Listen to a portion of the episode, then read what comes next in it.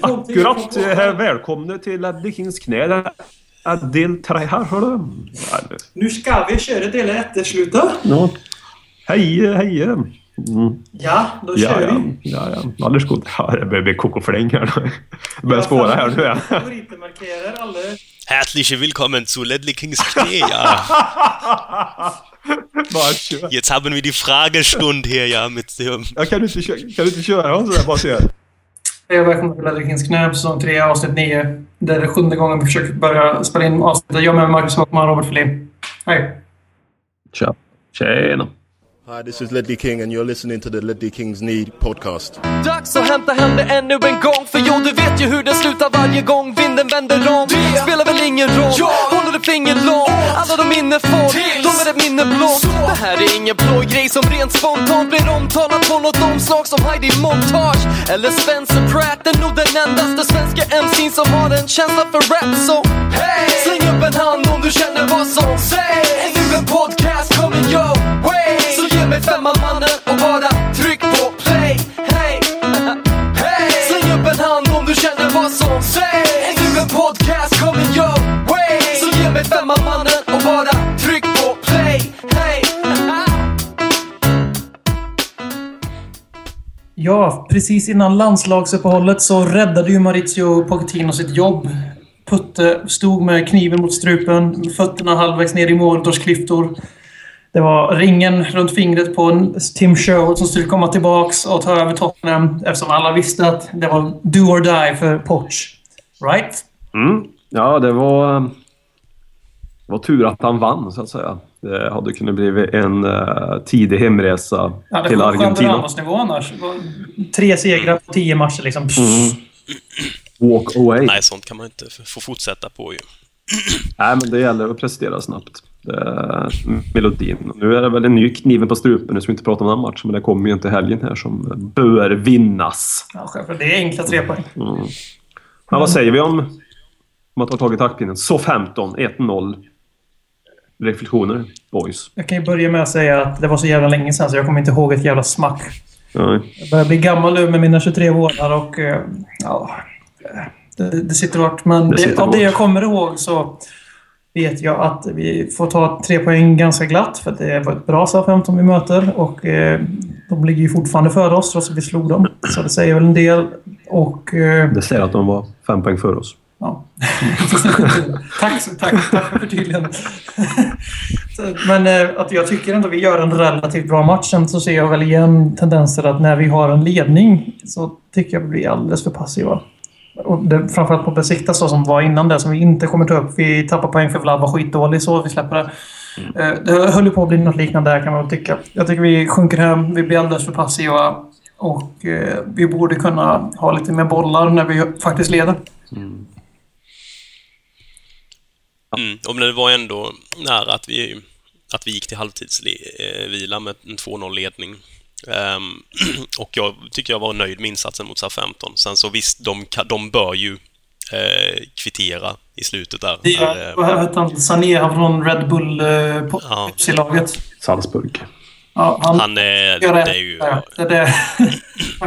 Horribel miss. Det är ju, det, ja, men den är ju den är, eh, en sån där, eh, nu kommer jag säga, VHS-band där man klipper ihop en massa klassiska misstag så är han med på den nästan. Så, så, så uh, brutal var han i missen tycker jag i alla fall. Jag tänkte, ja, 1-1. Oh jävlar, missade. Men i övrigt så gör vi en väldigt, väldigt bra försvarsinsats. Alltså inte bara, inte bara Luis i defensiven, utan alla. Jag tyckte alla var jävligt stabila defensivt. Det var väldigt tråkigt på det där överfallet på Kyle Norton, men eh, Dyer kom in och gjorde det faktiskt ganska bra. Kan Norton var bra. Alltså, var oj, oj, oj, men alltså han var bra. Det var alltså defensiven. Alltså det jag imponerades mest av i den här matchen, det var laget igen. Att det var en laginsats. Inte att det var så glamoröst, inte att jag tyckte att offensiva spelare ska få 4-5 plus på en femgradig skala, någonting sånt där. Någonting, utan det var laget som vann Det var samtidigt inte tråkigt heller. Nej, utan vi, vi ställde om fortfarande på ett bra sätt. Och vi tillät så 15 ha bollen. Eller tillät kanske vi inte gjorde, men så 15 hade bollinnehavet. Om vi nu tillät det, var så- så 15 som dikterar villkoren på det sättet. Det är en annan femma, det vet jag inte så mycket om. Men att vi uppträdde som ett lag och det, det, det, det värmde mitt hjärta. Något fruktansvärt. Och vi kunde mycket, det kunde lika gärna bli oavgjort. Så 15-seger som vi oss. Så det var en fruktansvärt jämn match ser Ja, det Men eh, återigen, 51 vunnit. Det var ett lag vi, vi hade ut på planen. Christian Eriksen fick göra mål också. Det var han som avgjorde matchen. Mm. Ju, han har ju väldigt lätt för de här rödvita polkagrisarna. så är det. Så är det. Det var nog ganska viktigt för honom, men det var du Håkman som direkt efter matchen som den glädjespridare började spekulera i att eh, Christian Eriksen vill lämna Spurs ja, i januari för att han hade slängt sin väst på ett konstigt sätt. Ja. Jag, jag ville inte hålla med dig, men det var faktiskt en tanke jag också tänkte mm. när jag såg jag såg in honom när alla går in på plan efter matchen för att klappa till fansen och klappa om varandra framförallt. Ja, men, uh, så han... tycker jag också att det såg, ganska, det såg inte glädjespritt ut direkt. Ja, alltså, nej, han, han har ett rätt dystert ansikte tycker jag. Christian Eriksen. Han ser ju rätt besviken ut. Det är väldigt sällan han är glad. Det så jävla rätt. Alltså, så jag menar, men nu var det sätt han kastade den här västen på som jag reagerade på. Att det var med kraft han kastade bakåt. Att det var inte att han slängde iväg lite lätt, utan det var på ett irriterat sätt. Uh, och det, det, ja, jag, jag tolkar som att han är besviken på att bli utbytt. Och det får han väl bli. Men det är lite, jag blir besviken på om man visar det efter matchen är slut och när vi har vunnit med 1-0. Men sak okay. rätt då kan man köpa det och ja, ja. känna att jag hade jag varit hade jag avgjort. Men... Och då kunde man ju också tolka som att han är besviken för att vi inte hade vunnit också. Men, men jag tolkar det verkligen så. Sen tror jag inte han blir såld eller vill gå Nej. för det som läget ser ut nu. Men, uh, men att han är besviken, det är lite, jag blir lite, och jag blir lite besviken på att han visar, som jag ser så tydligt som han ändå gjorde då. Även om det kanske inte var tydligt, men i mina ögon var det tydligt att han var I beteendevetare Håkmans ögon så var det väldigt ja, tydligt. Ja. Men de, de, de, de får poäng jag läste om det så låtsas jag vara någon super eh, eh, expert på området och det är jag verkligen inte. Men, men, ja, det är min lilla bedömning av det hela. Vi efterlyste ju profiler för Arsenal-matchen och då, sen dess har det ju, får man väl ändå lov att säga att det är ganska många som har tagit kliv på det. Loris fortsätter ju Han kommer ju alltid bli den här riktiga profilen för att han är målvakt och han är ganska lugn och stabil, sansad. Förutom sina... Han dribblar ju som sista gubbe och sånt ibland men han har liksom ingen, han har ingen galen eh, personlighet så han kommer aldrig bli en sån. Men däremot är en sån fantastisk målvakt så han borde bli ihågkommen på det. Och det skälet som Gareth Bale, typ, han kommer aldrig vara en profil, man kommer alltid vara ihågkommen för sin eh, fantastiska fotbollskunnande. Eller Luka Modric då möjligtvis. Och jag började undra att Folin hade fryst fast i skärmen, men det var bara, han var bara så still. Mm. Men sen en som började växa på mig, det är ett gäng Capo som direkt vid avblåsning nu när vi slår Southampton verkligen sinnesvrålar rakt upp i luften. Det var riktigt äkta. Och i kontrast till Christian Erikssons uppenbara myteri så var det ju en... Alltså det, då, det, var, det var därför just Erikssons västkastning såg så fel ut för mig eftersom Capo visar hur man ska glädjas åt en seger. Ja, det var oerhört fint att se. För jag har haft lite Eh, nu har ju inte, spelade inte Capo så mycket förra säsongen, men haft lite svårt att ändå ta till mig honom. Jag, jag har inte tyckt att han har utstrålat någon liksom, eh, personlighet egentligen. Han har liksom lunkat runt på mitten och gjort sitt, men jag tycker han har växt i det eh, på det viset nu i de senaste matcherna också. Speciellt det här segervrålet då. Det var fantastiskt fint att se. Då, eh, där växte han oerhört. Uh, ett, det är någonting jag tycker vi saknar överlag, vårt lag. Personligheter. Det känns som en grå massa. En rätt tråkig bunt spelare på något sätt. Ja, alltså det extraordinära. Det här Capo-vrålet får lite överdimensionerade hyllningar också. Han jublar för att vinna match. Ja, visst, det är jättefint att se och jag blir också glad, men... Ja, fan. Är där vi har lagt ribban, att vi ser ett, att vi ser ett, ett glädjevrål. Alla Tottenham-supportrar världen över drar fram att pip, pip XXX och gör sina tillfredsställer sig själv. Lite så känns det som den här winen när han fick genomslagskraft. Jag tycker att det är bra. Jag var också glad, men vad fan. Alltså jag var glad. Nej, nej, nej. Det börjar se ut som ett sammansvetsat gäng måste jag säga. Men Kabul, Kabul har gjort en, verkar ha gjort någonting har skett. För att, eh, han drar ihop... Eh, alltså det, mm. vid målet så är det stor, alla förutom Adebayor som väldigt... Eh, vad ska man säga, nästan det var någon som, någon som var på plats och sa att det var så nästan liksom symboliskt ut. Ja, nu kommer jag, nu jag kan ha helt fel, nu kan man blanda ihop matcher som helst. Men vad jag vill minnas var att någon skrev det att det var jävligt konstigt att se Adebayor som var så instrumental i målet. Tillsammans med Chadli då. Chadlis touch till Eriksen var ju helt ex explicit. Allas men, favorit numera. Nasser Chadli. Ja. Alla Watford-damers favorit. Men för han, eh, alla andra springer i en stor hög och hoppar upp på huvudet på varandra till och med, liksom Kabul. Men Adebayor var inte där och han var ändå relativt nära målet ja. jämfört med Kabul i alla fall, får vi väl hoppas. Jag minns inte situationen i superdetalj, men... Låt och det oss... skulle väl vara väldigt typiskt Emanuel Adebayor. Låt oss bli på dåligt humör. vi pratar om Emanuel Adebayor. Nej. Men jag är också imponerad av Kabuls ledaregenskaper. Sen, sen back to basic känner jag. Det är också lite kritik mot Kabul känner jag. Men alltså att det finns en situation där i första halvleken, nu, nu är matchen ett tag sedan, där någon av spelare blir nedtacklad. Jag tror Danny Rose blir nedtacklad på ett fult sätt. Någon är det, om det är Kyle Norton, det är någon ytterback som blir det. Eh, då, går, då går Kabul fram och tar i hand med den så 15-spelaren som köttar ner vår Tottenham-spelare. Naturligtvis var inte det där menat. Det, den, så mycket minns jag den här situationen. Det blir väldigt diffust där. Men jag tycker han ska inte ens gå fram och börja snacka med så 15-spelaren. Han går runt och ler lite för mycket till, till domaren och till eh, motståndarspelare. Sen tycker jag också att vuxen, han borde liksom fan, vara lite mer eh, gris. Men samtidigt också en fin egenskap som han, som han har när han liksom famnar om våra spelare. Han, liksom, han är väldigt... Det finns mycket kärlek inom Kabul. Och det jag menar med det är att det, ja, det finns lite för mycket kärlek i Kabul. Mm. Ja, det är ju en fin sekvens när Loris och han håller på att nästan kollidera med varandra. Men håller bollen och Kabul bara stannar kvar och kramar om Hugo mm. Eh, efteråt. Mm, ja. En fin liten sekvens i den matchen. Så lägger han väl handen bak på bakhuvudet, va? Är det den han gör med? Som en den, den bilden är mycket finare än när Kabul, eh, eller när Capo jublar, tycker jag. Märker inte den franska trojkan som tar över så tydligt i... Ja, det gillar vi. Gillar ju Frankrike. Eller jag gillar Frankrike. Ja, kan du gå ja, Frankrike börjar växa på mig också. Ja. Jag har fått upp ögonen lite för deras, eh, deras lantbrukare och bönder där. De har fina protestaktioner. De hade eldat upp ett skattekontor nyligen och dumpat gödsel utanför den och dylikt. Det är fina pojkar. Så, var inte skit, så att säga. Nej, det är absolut inte. Hur hade ni gjort i Småland vid någon liknande incident? Suttit och druckit kaffe och gnällt och sen har ni gått ut och jobbat ändå, eller? Inget ja, fel i det, men alltså, det, så gör vi ju alla.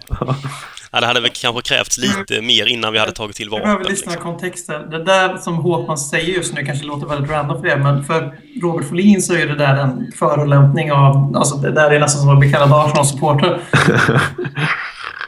Så, ja. så ni vet nu vilken fruktansvärd lugn och saklighet Folin svarar på den här kommentaren från Håkman. Ja, han är en fin människa, till skillnad från en annan. Så. så övriga reflektioner. Vi kan väl snabbt bara avrunda det är en spelare som fortfarande verkar dela den här fanbasen något fruktansvärt. Och jag läste och jag delade med er. Ni läste väl inte? Men den där Skåka har gjort en sammanställning av Erik Lamelas säsong hittills. Mm. Ni vet floppen Lamela som nyligen gjorde sin femtonde match för Spurs. Mm. Och eh, han har ju, förutom gjort sex assist i den här matchen, så har ju framförallt Håkman som vanligt kollat ut honom för att hans överdrivna bollkladdande, vilket är väldigt svårt att missa, bör tilläggas. Men att den här artikeln summerar honom väldigt rättvist tyckte jag. Så det är klart, han har gjort väldigt stora framsteg sedan i fjol och därför bygger folk kanske upp det lite för mycket. Han har också varit poängkung då, tillsammans med Nasser Chadli och det är alltid, poäng är alltid poäng. Men att han behöver bli en mycket effektivare fotbollsspelare för då skulle hela Tottenham kicka i. Framförallt Christian Eriksen skulle gynnas av det var väl ungefär vad Skåka kom fram till. Han har ett bra driv tycker jag, Lamela med bollen ibland vissa situationer när han kommer ifrån centralt mitt på banan och så driva fram lite. De här första metrarna där, men det närmare straffområdet kommer, det är ju inte konstigt för då oftast möter man mer samlat försvar. Det är där han behöver bli lite mer effektiv, han mm. tar besluten snabbare än vad han gör, för där, där blir han som lite kladdig oftare. Ja, det är att, att eh jag tyckte Lamela var helt okej i den här matchen. Mm. Eh, och som Håkman också säger, det, det är ju sånt som gör en lite frustrerad, att det kan se ut att gå så väldigt fort, eller direkt, till en början. Och sen så börjar bollkladdandet lite.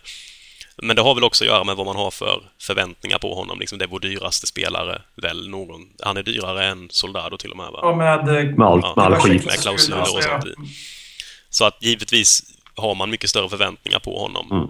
Eh, än till exempel en Nasser Chadli som man väl egentligen inte hade så stora förhoppningar på, som nu lätt blir hyllad. Och ganska många som mer än han var sämst i världen förra säsongen också. Mm. På tal om ja. förväntningar och prislappar och så vidare. Ja. Det är poäng där. Kanske lite där att, att... Eh, men sen känner väl Amela antagligen också att han måste göra något extravagant, eller han måste göra något speciellt för att tillfredsställa. Han vill väl underhålla, kan jag tänka mig. Han är väl den um, spelartypen.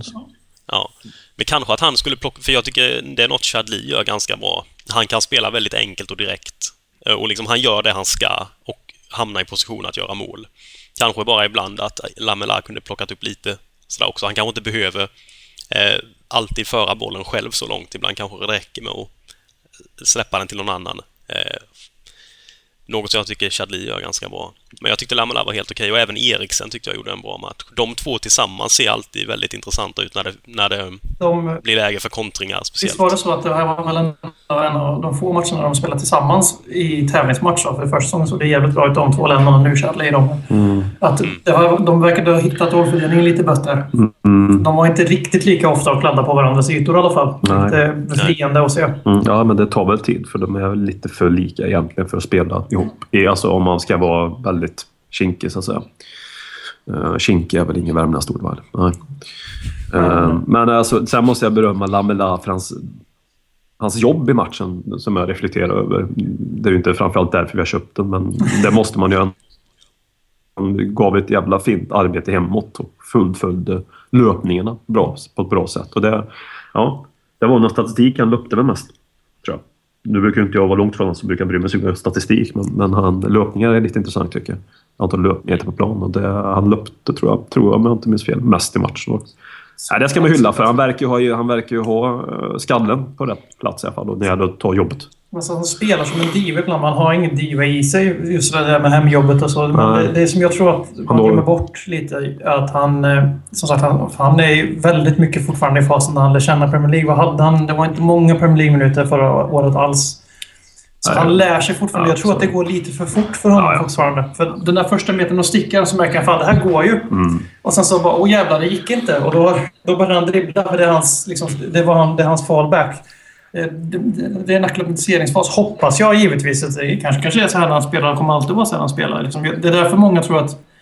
Ingen jämförelse i övrigt vill jag verkligen förtydliga, men det är kanske därför många tror att Messi skulle få svårt i England. Jag tror att det är mer primitivt än så, det är för att han är liten, de tror det. Men att han har ju också en tendens att gärna dra en extra dragning igen och det kanske man hinner i andra ligor, men det hinner man inte i Premier League för då smäller det. Och det har väl Lamela verkligen fått lära sig att det, det smäller och han är rätt så duktig på att smälla tillbaka också.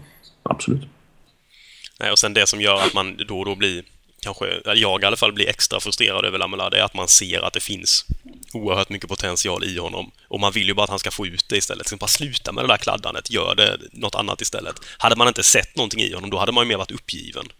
Och tyckt att, ja men det, alltså, det, då hade man mer haft en Vlad-reaktion på honom, liksom sett han någonstans ett tag. Så han får lugna ner sig. Eh, här vill man ju bara, liksom, man vill ju bara att Lamela ska liksom förlösas i, i Tottenham-tröjan. Och eh, ja, det är ju därför frustrationen uppstår. Det finns ju onekligen mycket i honom. Ja, men Och absolut. man vill ju bara att, och man får ju ge honom tid att, att eh, få ut det. Det är bara en sista sak om Lamela. Jag tror också med Lamela, det är inte bara Lamelas fel sista tredjedelen. Det, alltså, det finns ju fyra, fem där som ska löpa rätt i offensiv, offensiva lägen. Och jag, det måste också klaffa bättre än vad det gör än så länge. Det sitter inte bra. Vi har inget djupledsspel från våra mittfältare så som jag skulle vilja se direkt. Mason gjorde en av matcherna, kom bra där till exempel. Det är första matchen mot Arsenal han hjälpte till. Eh, Eriksen är inte den Chadli kan vi göra det. Adebayor tycker jag rör sig väldigt dåligt offensivt. Eh, så det hänger också ihop med det. Alltså, har han ingen att slå, det är kanske mycket det också. Vad, vad ska han då göra? Då kanske det blir ett extra kladd. Det är en kombination av båda delarna vi är ute efter. Ja, absolut. Och sen, bara- man ska alltid tänka på när man ser på fotboll att de ser det ju inte uppifrån som vi förgyllda tv-supportrar gör. Alltså, ser, man glömmer jävligt ofta bort det. Alltså det. Så det är inget mer än så, så det är mycket svårare att se varandra. Och sen så tror jag det är Håkman inne på att det klaffar fortfarande inte och det underlättas väl inte riktigt av att vi helt roterar i Europaspelet och cupspelet så det är, de inte får spela ihop sig. Det jag tror inte det underlättar för Premier League-matcherna är väl de tuffaste vi har hittills. Även Besiktas får man ändå säga är definitivt en jävligt tuff match för ett reservlag. Men eh, att eh, det kanske skulle vara en poäng att sluta med det överdrivna roterandet. Men sen, när du ändå kommer in på Adebayor där, som jag tycker gör en ganska svag säsong. Och även om han springer ut vänsterkanten mycket och inte lika dålig som han var under AVB andra året. Så nej, under första året måste det bli AVB. Skitsamma, han var kast i alla fall och det var AVB också. Men att jag tycker att det är dags för Harry Kane. Jag har väldigt svårt att förstå varför Harry Kane får spela två minuter som Lamelas inhoppare. Ja. När han är uppenbart den målhungrigaste och målfarligaste anfallaren vi har just nu. Och Porsche har rädd att satsa på unga spelare tidigare. Kolla Ryan Mason, som han är inte ung Ryan Mason, men han är ung på erfarenheten över Spurs. Så, så tycker jag att... eh, Ja. Varför vågar ni inte stoppa in Kane? Kane är, nu, jag är inte någon fotbollsvetare Men han, för mig är han ju utan tvekan vår hetaste anfallare just nu. En het anfallare är ofta viktigare än att du är väldigt bra. Det är viktigare att du är het och målkåt Mm, än att du är bra på det mesta annat när du spelar på topp. Mm, mm. Mm. Och Kane kan ju, tycker jag med mig, kunna se att han, han kan löpa smart också. Han, han kan fylla flera funktioner som anfallare och som du säger, hans målstim han är inne i. Han gör ju mål för U21-laget, eller Englands landslag också. Ehm, och ja, jag håller helt med att han bara får två minuter där. eh, Det helt Det kändes, det, kändes, det kändes jävligt, Ja, det väldigt lite, dåligt ja, lite provocerande nästan. Det är liksom Ja, ingen idé att ta in den. Det är nästan mer provocerande att slänga in en två minuter än att låta han sitta på bänken hela matchen. De säger ju att Harry Kane är ju en vår nya Teddy Sheringham sägs det ju från en del. Så, när man säger på anta att stå rätt och lö- löpa smart menar jag alltså. Det var ju Sheringhams motto någonstans.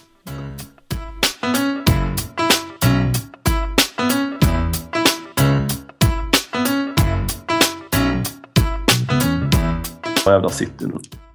Årets tråkigaste match.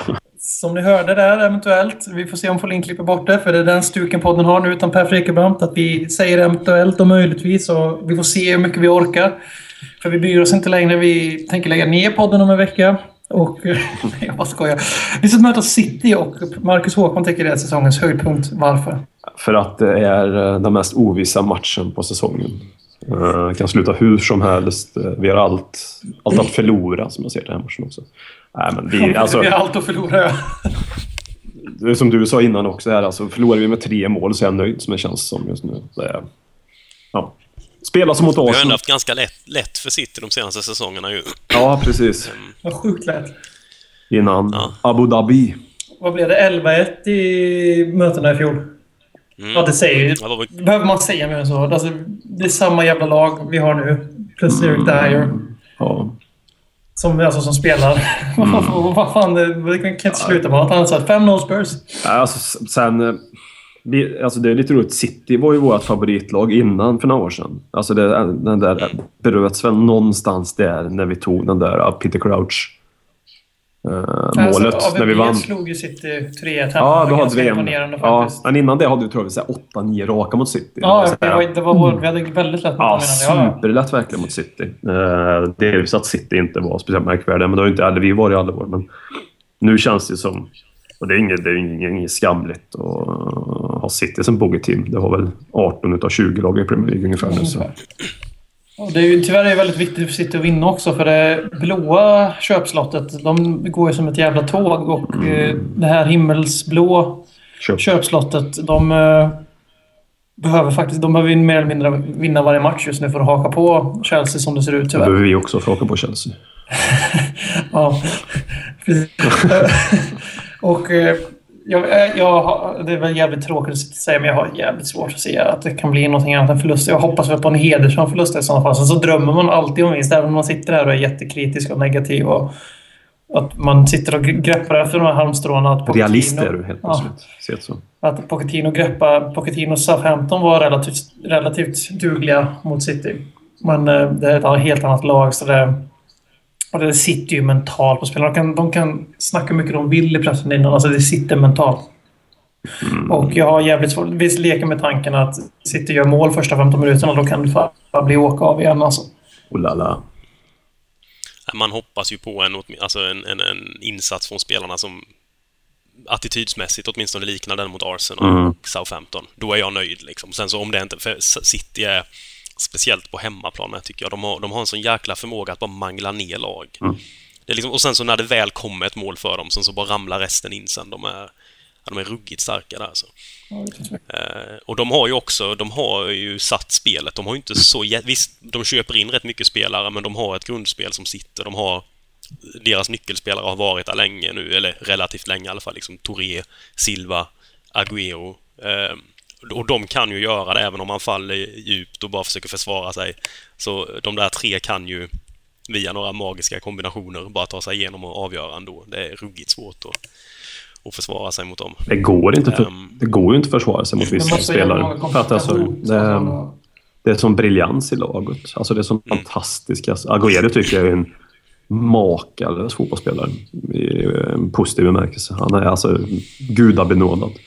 Lite tyvärr lite skadebenägen för hans skull. Då, jag säga att han kanske ska kanske ha en lång och fin karriär. Jag tror han kommer kanske få sluta lite i förtid, men som fotbollsspelare han är bland de, bättre, han är bland de bästa i Premier League. Han är en uh, Suarez-typ som jag har sett faktiskt, som spelar fotboll. Han är fantastiskt bra. Det säger en del om Argentinas VM när de, trots utan Agüero och utan Di Maria i de viktigaste matcherna Ja, ändå... ja, för det, det är ju två, det är två spelare Ja, som för förändrar matchbilden liksom, De på två- egen hand. De, de är lika mycket världsklass som alla andra spelare som är precis under Lionel Messi och Cristiano Ronaldo. Mm, De är topp fem i världen och de är heta och äh, Agüero. Mm. Ja, Kabul-vertongen. Nu jävlar alltså. Nu blir det åka av. Mm, Ja, men alltså det finns ju det här. Alltså, vi börjar ju... ja, Jag och BM i alla fall är väldigt negativt. Men det finns ju ändå det lilla halmstrået. När, man, när det är 13.40 13.45 så kommer man ändå sitta där. Mm. Och Ja, där hoppas. kan vi vinna. Men Så funkar det ju. Och det är ju bra att det funkar så, för annars hade man inte suttit och tittat där heller. Liksom. Om man hade suttit och trott att det skulle bli förlust. Nu tror jag att det blir förlust, men alltså, när det väl kickar igång så blir man ju så inne i matchen på något sätt. Man pulsar ju med. Liksom. Och vi ska, säga, vi ska försöka vara lite positiva. Och det, är ju- det är min flagga att ta den oftast. Så, så är det ju att eh, vi har ju Kabul i en hög form. Vi har en Capo som börjar se finare och finare ut. Eh, Förhoppningsvis en, jag vet inte, kan status på Kagnoto riktigt. Eh, Först läste jag tre månader och sen så... Tre inte, månader? Inte tre månader hörde jag sen andra gången, men han kommer ju absolut inte spela mot Nej? Nej, han kommer inte Ja, vara det är med. jävligt synd för han. Defensivt har han sett jävligt fin ut Det- Jag faktiskt. tycker fan inte det är första gången han går sönder när han liksom börjar visa att han faktiskt duger så och var andra valet för Kyle Walker som Alltså, går sönder. för mig är han före Kyle Walker som har spelat nu de här sista matcherna. Det är på uppriktigt alltså. För, ja. Eh, men i alla fall, ja. Det är som Småland förut, det är som bortglömt nu. det ser jag på Folin. Eh, nej, men på riktigt så tycker jag han ser väldigt fin ut. Eh, nej, men jag tror, alltså, som Folin var inne på, får man se samma attityd i spelarna igen, samma jävla vilja. Vi ligger tätt, vi kontrar. Mm, varför inte? Så länge inte Loris är skadad då, som det också ryktas om. Jag vet inte, han har inte fått någon offe- off- offentlig eller officiell bekräftelse han är levt under en men- sten. Ja, vad fan, han är också skadad. Men han, han spelar inte för Frankrike. Så kollade vi. Nej, han vilade, han vilade sist- eller han, de riskade inte honom i och spelade honom för Frankrike, men eh, Då är det ju något då. det jag har läst därifrån var att eh, det såg bättre ut. Ja, det, det är mycket möjligt att han spelar idag, men om han inte spelar så är han ju den enda positionen som vi är bättre än City på i startelvan. Är ju den och om han då inte spelar så är vi fortfarande där för vad de är bättre än väldigt överskattade Joe Hart. Som också på något sjukt sätt också är ganska underskattad. Men han, Ja, är- han, är håller med. Ja, faktiskt. Han är inte topp 5 i Premier League, men han är inte sämst i världen heller som det verkar vara antingen eller. Men det är, det är vårt hopp att han ska göra något sånt där Joe Hart. För han gör fan med en hel del praktmisstag faktiskt. 2010-2011, match 1. Ja, då, Då han inte, han, då hade han inte en massa tavlor i sig Nej. Nej. Men, Han har stagnerat lite, Joe Hart. Man, alltså, jag, för några år sedan så var han nästan världsklass tyckte jag. Men han har liksom stagnerat eller, eller stannat av, gått lite neråt. Han är fortfarande bra, men han, han har precis efter topp tappat lite där i, i uppväxlingen så att säga. Men det som är... Men vad... eh, kring eh, vårt mittfält inför den här matchen. Hur känner ni där? Eh, Capo är ju given. Mm. Jag Ja, känner att det behövs någonting mer i balansen bakåt i den här matchen för att det ska finnas någon chans. Benjamin Moses istället för Mason är du inne på kanske? Eh, ja, eller åtminstone en Aaron Lennon någonstans som kan Ja, ja hjälpa till och täcka upp bakåt lite. För det känns som att den... Eh, nu förvisso både Lamela och Chadli tyckte jag gjorde fina insatser mot Southampton defensivt också. Men det känns som att det kommer... Det är lite annan kvalitet man ställs mot nu. Både jämfört med Southampton och mot Arsenal om man ska vara ärlig. Ja, utan Ja, framförallt jämfört med Arsenal. och, City och Chelsea spelar en egen jävla dimension i den här ligan. Förutom Manchester United som har pungat ut två miljarder och ett jävla Fifa-lag och ska bedömas efter dem. Och ska de vinna Ska de bedömas som ett FIFA-lag. Jag ville bara ha sagt för alla United-fans som sitter och pratar om att det är okej att bara komma topp fyra. Nej, ni spenderar hur jävla mycket pengar som helst på ett lag som vann ligan för två år sedan. Allt förutom titel är fiasko för den där överskattade pratkvarnen ni har som tränare. Precis som jag är överskattad på pratkvarnen i den här podden. Fattar ni det eller? Det var jag som försökte kanalisera min inre birro för att prioritera. Jag tänkte ju Det säga, han brukar... ändå av dig. Jag ville provocera Håkman. Ja, fattar ni det eller? Det brukar man säga ofta. Det var det jag tänkte. Vad fan, fan händer? Ja. Du är för trött idag, annars hade jag redan legat på golvet där för min Ja. birro utstött. Men det jag vill ha sagt var att eh, jag vill, skulle peta Lamela i sådana fall. För att eh, jag tycker inte att han håller defensivt. Det visat sig väldigt tydligt mot... Alltså, han håller defensivt, men mot Arsenal så var han ett orosmoment. Det är kanske bara jag som ser honom på det sättet. Men jag var skräckslagen varje gång det var han som skulle försvara i alla fall. Och eh, Lennon går ju faktiskt i kontra med fortfarande. Han är ju snabb. Ja, Men det kommer inte hända. just Lamela kan vara lite klumpig också när han ska försvara sig. Mycket frisparkar, Ehm, mycket gula kort. Ja, precis. Det kan bli mycket och det är ju inte... De har ju en del tunga pjäser där att lyfta fram. Det är vår Man vill absoluta styrka att för- försvara defensiva fasta. Det är därför Lamela gör det vi För att, vi, för att han vet att vi är så fruktansvärt bra på att försvara oss på sådana, så han gör det med flit. ja. Benjamin Stamboli kanske kan få spela också. Jag vet inte. Där, sittande. Inte på mig så bekostnad. Nej. Nej, men ja. Jag, jag vill nog inte ha... Jag vet inte, jag vill inte ha Bentaleb riktigt i den här matchen, känner jag. Jag går backar och tänker på andra stora matcher han har spelat. Det är, ju- han och många andra har misslyckats, men ja, nej, sen har ju inte Stamboli visat någonting egentligen som gör att han är förtjänt att spela. Men som vi har haft temat, han är ju fransman, så det kanske det, det är väl det som räcker på något sätt. Den franska revolutionen Ja. i Tottenham. Stampa har det i sig. Men eh, vi avrundar där helt enkelt. Det blir dyster prognos. Ja, det blir en tråkig lördag och en tråkig söndag. Eh, Adebayor lär starta. Självfallet. Han, ja, det hoppas jag att han får göra. Bra djupled och eh, bra target. Och, Han är lagkapten för fan. Ja. Men Loris skadad och Kabul går ut efter en kvart med sin patenterade sträckning. Så då är Kab- Adebayor som har binden. Och då, Spr- springer Adebayor och hämtar binden då? Eller är det någon som kommer Då- med binden till Adebayor? då, det kommer ju vara Bentaleb som springer ut från bänken och, med, och hämtar den och springer till Adebayor och ger att Han vet att det kommer bli en situation annars. Mm. Ja, just det. Ja, just det. Han, Bentaleb ringer fortfarande till Tim Sherwood efter matchen och pratar fotboll. Ja, men det som kommer hända, det jag menar, det som kommer hända annars är att Adebayor kommer stå liksom och vifta på Kabul som bärs ut på boar och bara “Hallå, ge mig binden då, jävla idiot”. Och så kommer Kabul bara “Hallå, idiot, ser inte jag ligger på en jävla boar?” Och så kommer det bli världens standoff som visar hur korkat det här assisterande lagkaptensvalet var. Och då kommer Bentaleb bara “Men vad fan” och så kommer han ta hand om det för att han är Bentaleb och han är Tim Sherwoods arvtagare. Därför borde han ju få sparken på Stino, inte för att vi hade fem matcher utan vinst.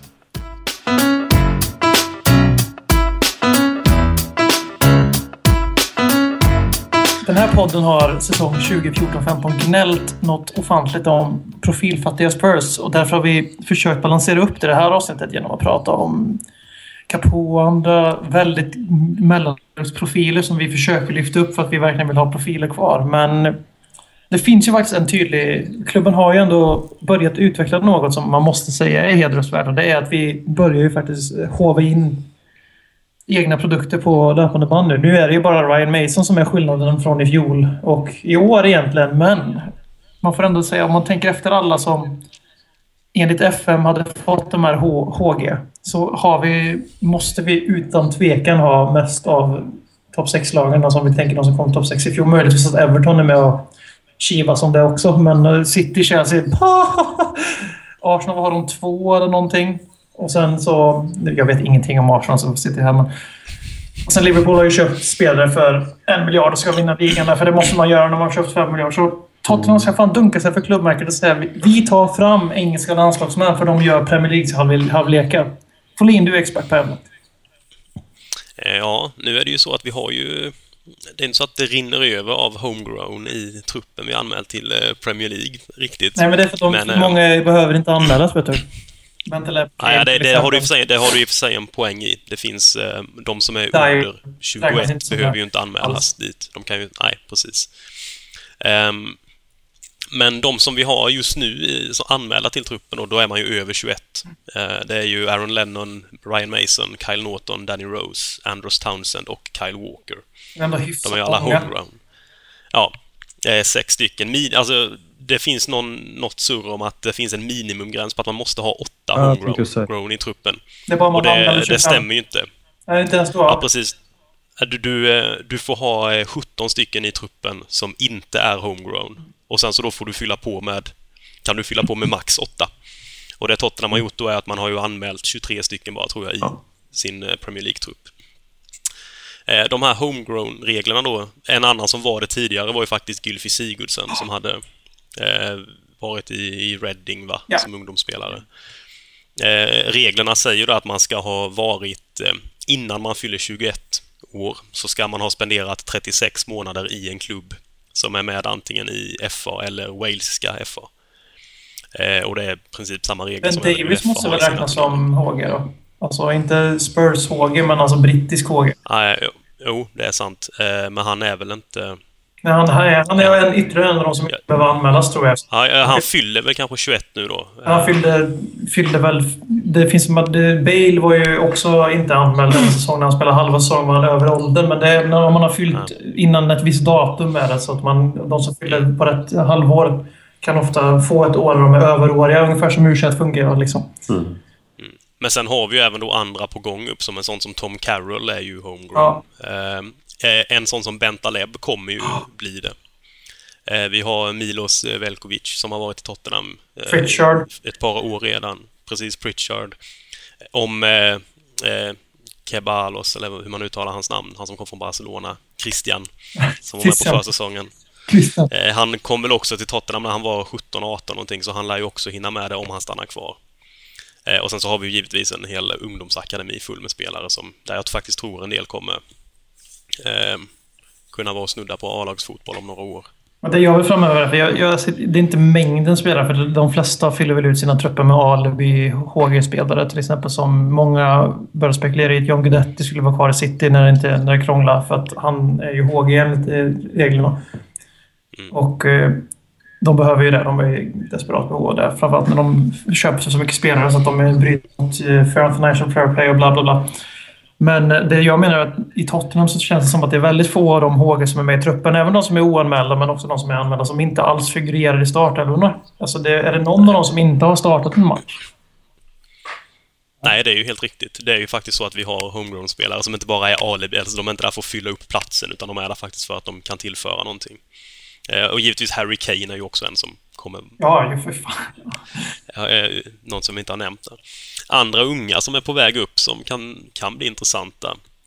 Någon, någon som har fått en del uppmärksamhet nu är Kyle Walker Peters. Vi har ju faktiskt en till Kyle Walker i vårt ungdomslag. Eh, vi har en som heter Harry Winks som jag eh, eh, har sett någon match. Ja. Eh, som jag såg en match med när vi var ute och kollade på U18-laget eh, mot West Ham för några år sedan. Han var med redan då. Eh, och sen så har vi ju en nu, eh, en ehm, amerikan eh, och britt. Han, han, han var uttagen i det amerikanska U23-landslaget nu. Och han är bara 16-17 år. Han heter Cameron Carter Vickers. Eh, som, som jag har läst lite artiklar om, som rankades då som Tottenhams mest lovande unga spelare av The Guardian i någon Det är nästan John Bostock här. Precis så. Han kommer floppa fullständigt. Jag tyckte ändå det var intressant att han som 16-åring kom med i U23-landslaget för USA och då är han ändå mittback. Säger Freddy Adu, säger jag. Vad sa du? Freddy Adu, säger jag då. Så, så, så märker vi ganska snabbt att jänkarna kan inget om. Försökte jag då, ja. Ljuga lite om åldern också kanske. Men för din företrädare i podden, Per Frikeman, var väldigt mån om att lyfta när vi andra i AVB-vevan var väldigt upprörda och ville väl svinga mot Livi framförallt så försvarade han honom med näbbar och klor gällande att vi har minsann lagt en jävla massa pengar på ungdomsspelare, ungdomsakademin och på Hotspur Way och det är därför vi inte spenderar bla bla bla. Bla bla bla, ekonomi bla bla bla. Men att det, man får väl ändå säga att det ger ju lite resultat uppenbarligen för Mm det är ju ingen, ingen Gareth Bale som kommer fram. Men eh, vi får väl köpa nästa 16-åring från Southampton som slår igenom så vi får vår nästa världsstjärna. Hur ofta kommer en Gareth Bale också? Liksom, jag menar. Ja, mycket regelbundet om du är Arsenal-supporter ända fram till för ungefär ett halvår sedan. Mm, ja, precis. Men det, ja, men det är ju det här. Det, den, den, det kom Cliff Jones och det kom Gareth Bale och så kommer väl någon när jag är 75. Ja. Kanske. Då är jag redan dött, men det är en annan sak. När Bill Dent eller... Ja, nej men jag tycker också det här just det jag tänker på eh, Homegrow och vår ungdomsakademi, att det, det är varit inne på det, att det känns som de vi får upp är mer konkurrensmässiga nu när de kommer upp än de kanske var för en fem sex år sedan. Um, Om det beror på att truppen kanske är lite sämre, det är han ju också. Det är väl alltid någonting där mittemellan sanningen ligger. Ja. Men, Eh, men samtidigt så... Mm, en sån som Harry Kane, bara se personligen, för två, tre år sedan skrattade jag åt Harry Kane. Men alltså till det kan jag vara ärligt säga. Jag trodde League, League One. Vi Liksom. League One-spelare. Var det På första riktigt alltså. podcasten misstänker vi väl. Eller det kanske till och med var andra säsongen. Så satt Mm. jag, du och jag tror till och med Flickan var med. Vi satt alla var eniga om att Millwall typ League One hade varit jävligt passande. Nu vet inte om de spelar League One just nu. Nej, det gör de inte. Men då gjorde de kanske Ja, och eh, det vi sagt och sen så sa det bara pang. Mattias Ragnegi spelar i Millwall kan jag säga också. Och eh, han är som sagt Harry Kane. Du, vi har sett med Townsend. Vi, det är de, några år av brittiska yngre produkter kan inte vara särskilt långt ifrån att kallas upp till riktiga A-landslaget. För vi har ju märkt att det inte krävs så jävla mycket. Nej, Townsend är ju med. Nej, men alltså det, det är ju det som är mest imponerande just att vi, vi får upp en. Vi har höjt en nivå på dem vi får upp nu. Det är nog en stor del. Det måste ju vara en del i Hosper Way och satsningen där. Eh, Man hoppas ju att den ger resultat. Jag hoppas ju verkligen det beror på så man, ser, så man kan se att det är en grej som kan fortsätta att växa. Eller ligger det på en sån här nivå, att få upp de här spelarna, det, det är ju gott nog som jag ser det. Sen kanske man kan toppa med någon guldkorn någon, någon gång, men vad fan får man truppspelare, lite över truppspelare upp till A-lag från egna led? Ja, fint Livermore liksom. till exempel är inte alls långt ifrån landslagsmässig för, eh, för England. Och han, eh, var ju, och han är också egen produkt som vi skeppade iväg. Och sen Hudson var väl inte våran, men vi köpte honom väldigt ung. Och Ja, enligt de här det- reglerna så skulle han väl klassas som det.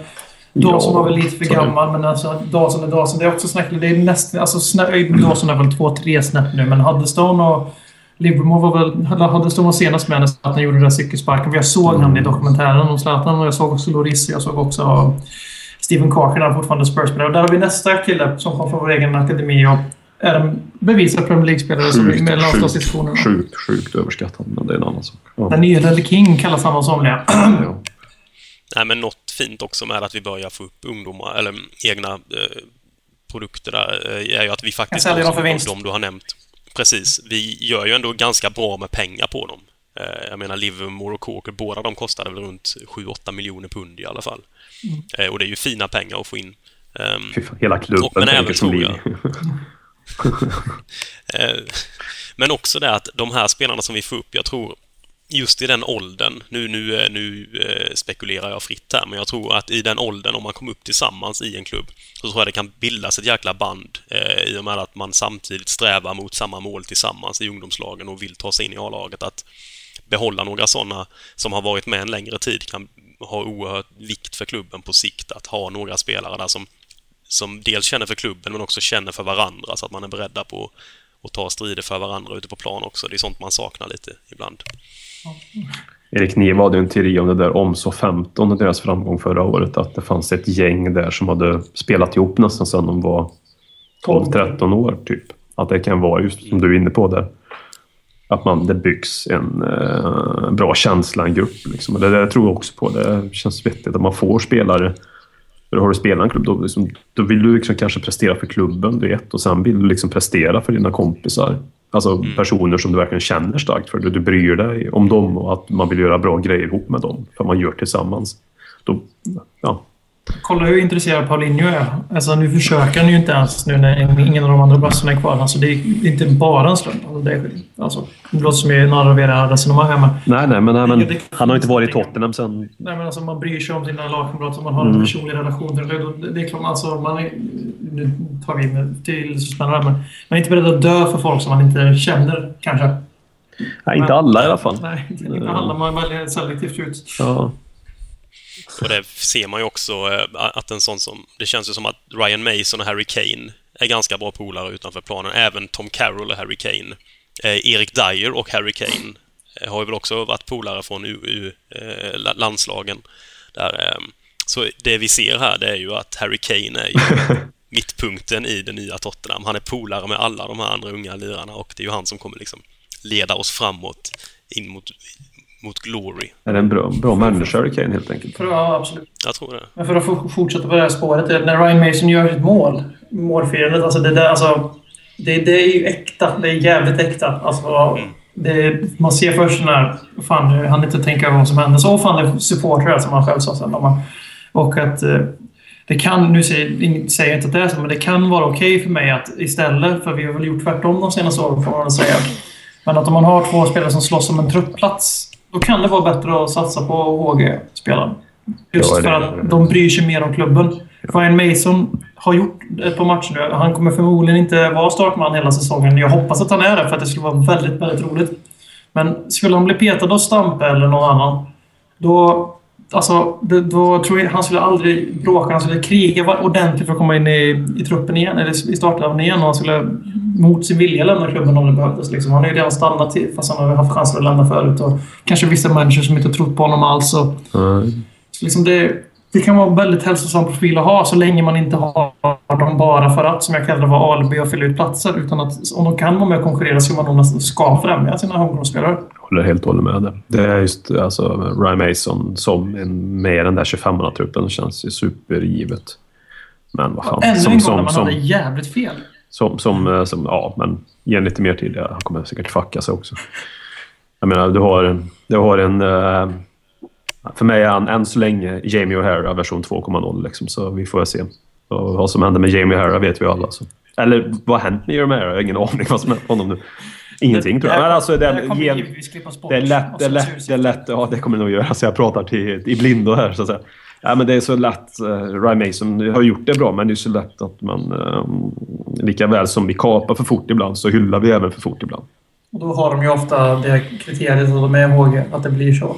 Ja, då är det ändå mer okej att hylla fortare, tycker jag också. Ja, för att du väger in... Um, de ska ju också pri- privilegieras mer än vad en Paulinho ska göra, för att de förtjänar folks respekt mer än vad han gör, för att de har varit i klubben länge och jobbat för klubben. Även om Ryan Mason säkert har spelat för 30 klubbar, men det är ju utlåningar liksom. Så. Paulinho kunde ha spelat för oss i tio år. Man visar samma ovilja att ta på sig våran tröja. Så. Ja, då spelar det ingen roll. Det känns som att vi nästan förstörde situationen. Jag försökte diskussionen innan ens nämna honom i den här diskussionen om. Sherwoods Disciples som Jag är på väg in på. Jeremy Jennas nu, men jag stoppar mig själv nu. Ja. Men Vi hade ju den, vi hade ju, för att avrunda, vi hade ju faktiskt den profilen med...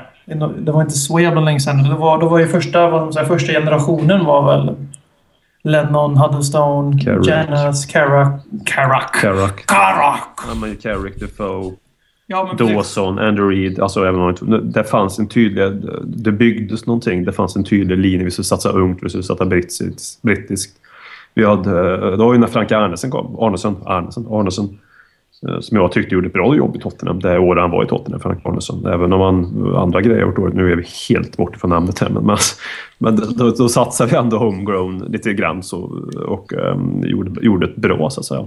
Ehm, jag tror det är viktigt att ha en Och vi hoppas att vi fortsätter på den inslagna vägen, eller hur? Windy 2. Bara vi vinner så är jag nöjd. Så.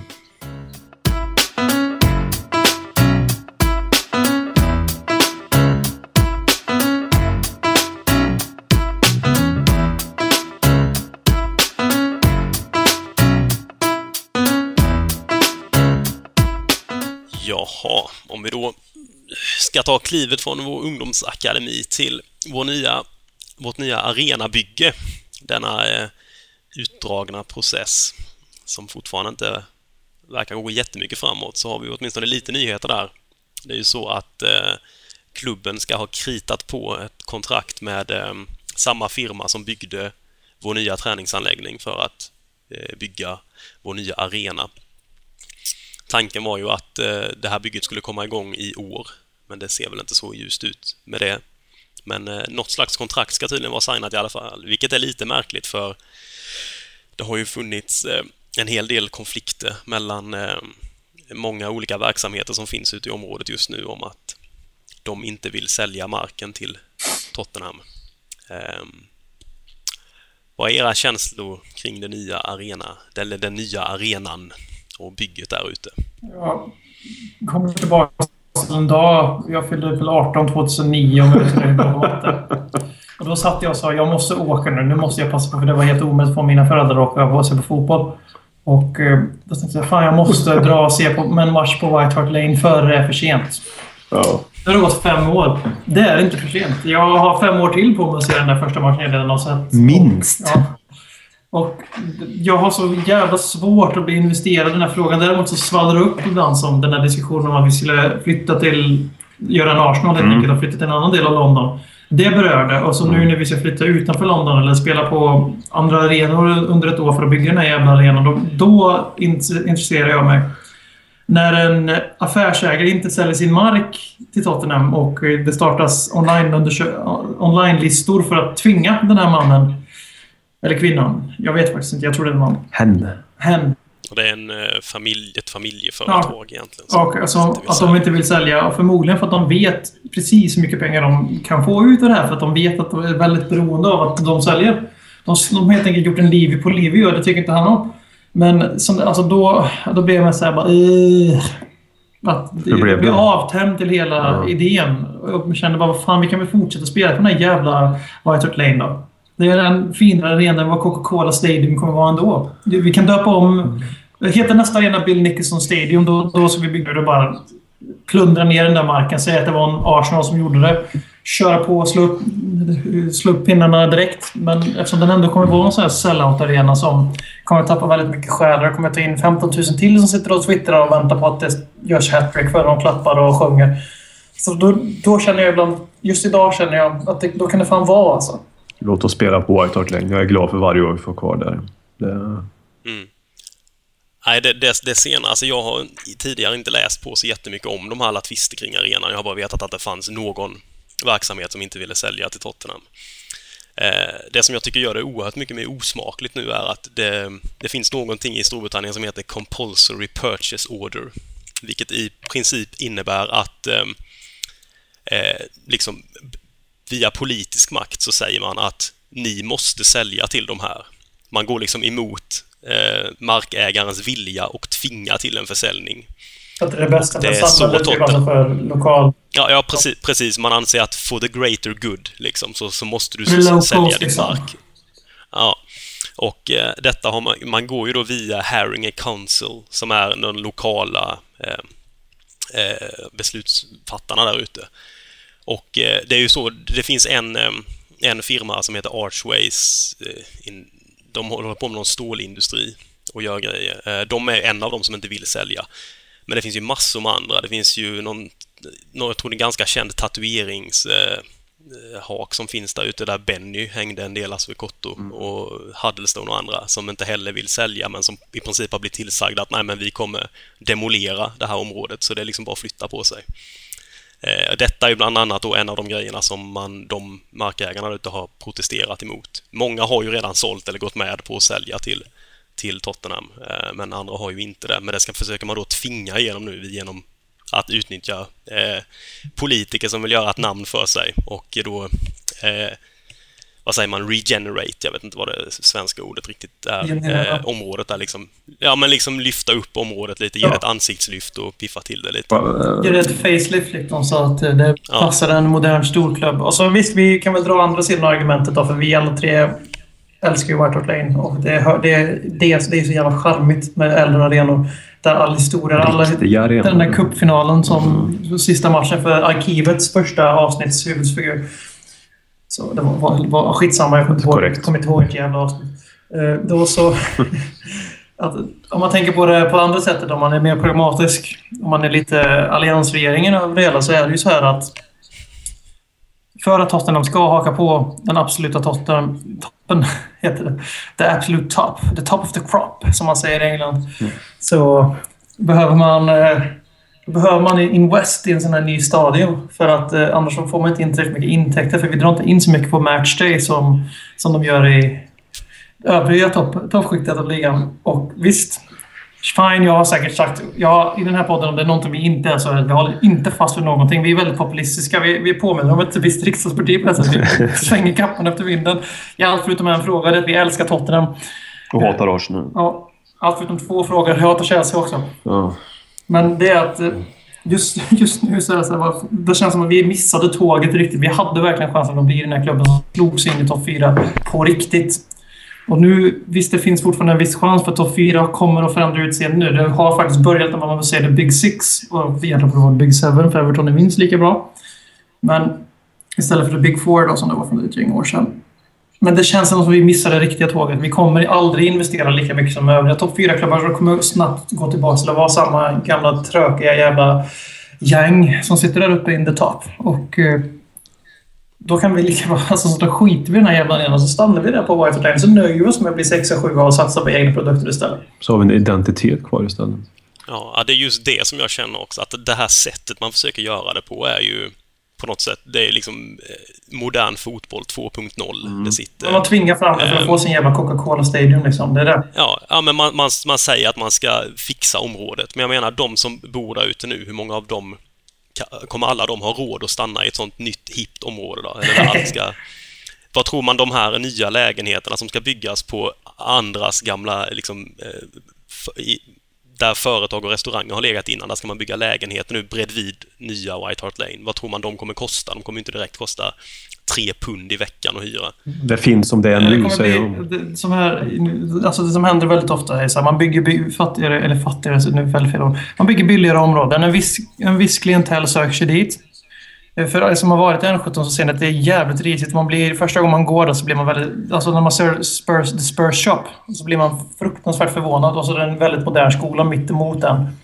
Och Tottenham gör jävligt mycket gott i det här området. Det är ing- inget snack om saken. Det gör de faktiskt. Men som du säger, alltså det som kommer hända när de gör den här upppiffningen, det faceliftet, då kommer det, det som kommer hända är att de som bodde där och har bott där hur länge som helst kommer få söka sig någon annanstans till nästa område som tillåts förfalla och så kommer det bli en helt ny typ av människor i hela det här området. Precis som vi gör väldigt många ställen. I, här i Karlstad så håller vi på att studentifiera vissa områden. Och så slänger in alla studenter där för att det är vad vi vill ha ut, utstå på. Och det kommer bli, så som jag sa, Tottenham kommer tappa ännu mer själ helt enkelt. Och det hade varit okej om om alla hade gått med på att sälja mark och det hade varit en fin process och arenan hade hetat Bill Nicholson Stadium, då hade jag inte haft ett enda problem. Men, jag, men nu känns det bara, just idag, grått. Men nu är det så att världen är ett jävla pisshål också, så det förvånar mig inte att det blir så här. Så.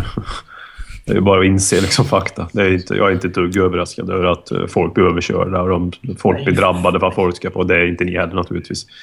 Men det var väl ett företag där du sa som jag kände att de kan väl dra åt helvete. Vad heter de? Ars Ways? Var det så de hette? Eller? Archway. Ja, Archway. Ars.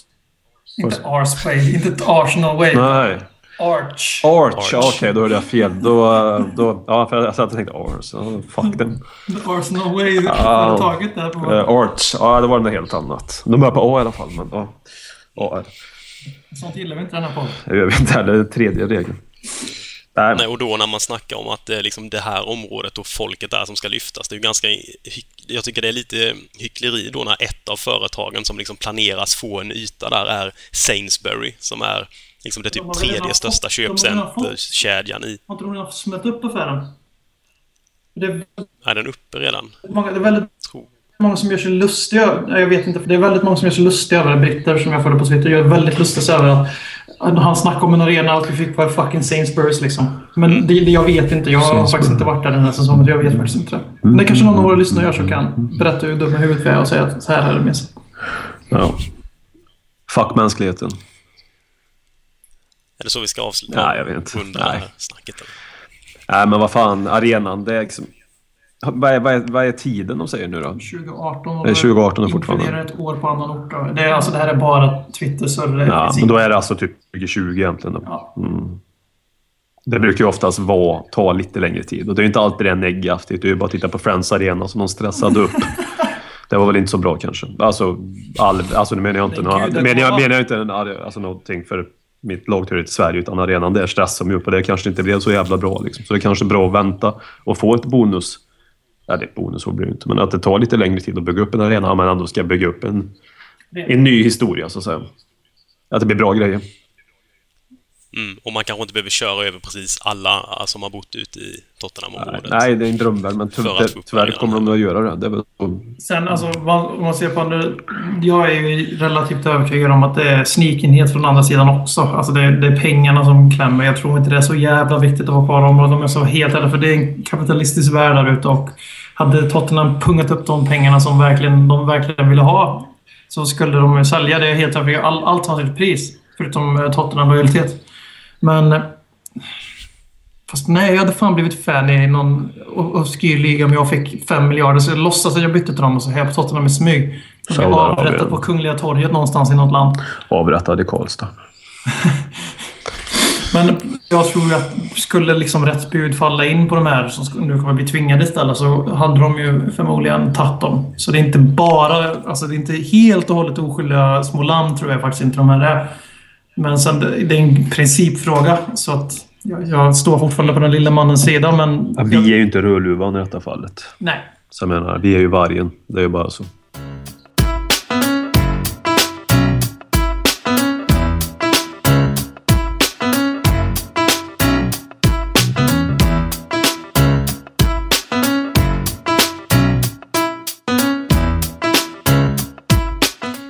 Då vi ställde in förra veckans avsnitt av Lily Kinkne så kör vi avrundar vi del ett här, men podden kommer att fortsätta efter vår frågestund. Där vi kommer att prata om lite annat än Spurs, för vi känner att det är inne i ropet just nu att prata om eh, ett visst landslag och lite andra landslag för den delen. Men vi kör Alltså- först frågorna. För vi har ju insett att fotboll, det spelas ju två halvlekar nu, så vi kommer börja med en del, andra halvleken nu också. Vi kör inte bara första, utan går vi in och kör andra halvleken. Så då tänkte vi att vi vara schyssta mot er som inte orkar höra oss mala. Framförallt inte när vi pratar om någonting annat än Tottenham som vi delar intresse i. Så, så kör vi färdigt Tottenham-delen och så avrundar vi med icke-Tottenham-delen. Jo. Eh, Lite är det för att visa att BM också kan vara med i poddar som är längre än en halvtimme.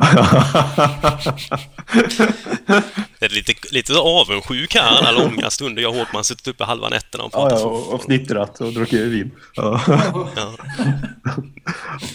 Ja, Vi börjar, jävlar vi börjar.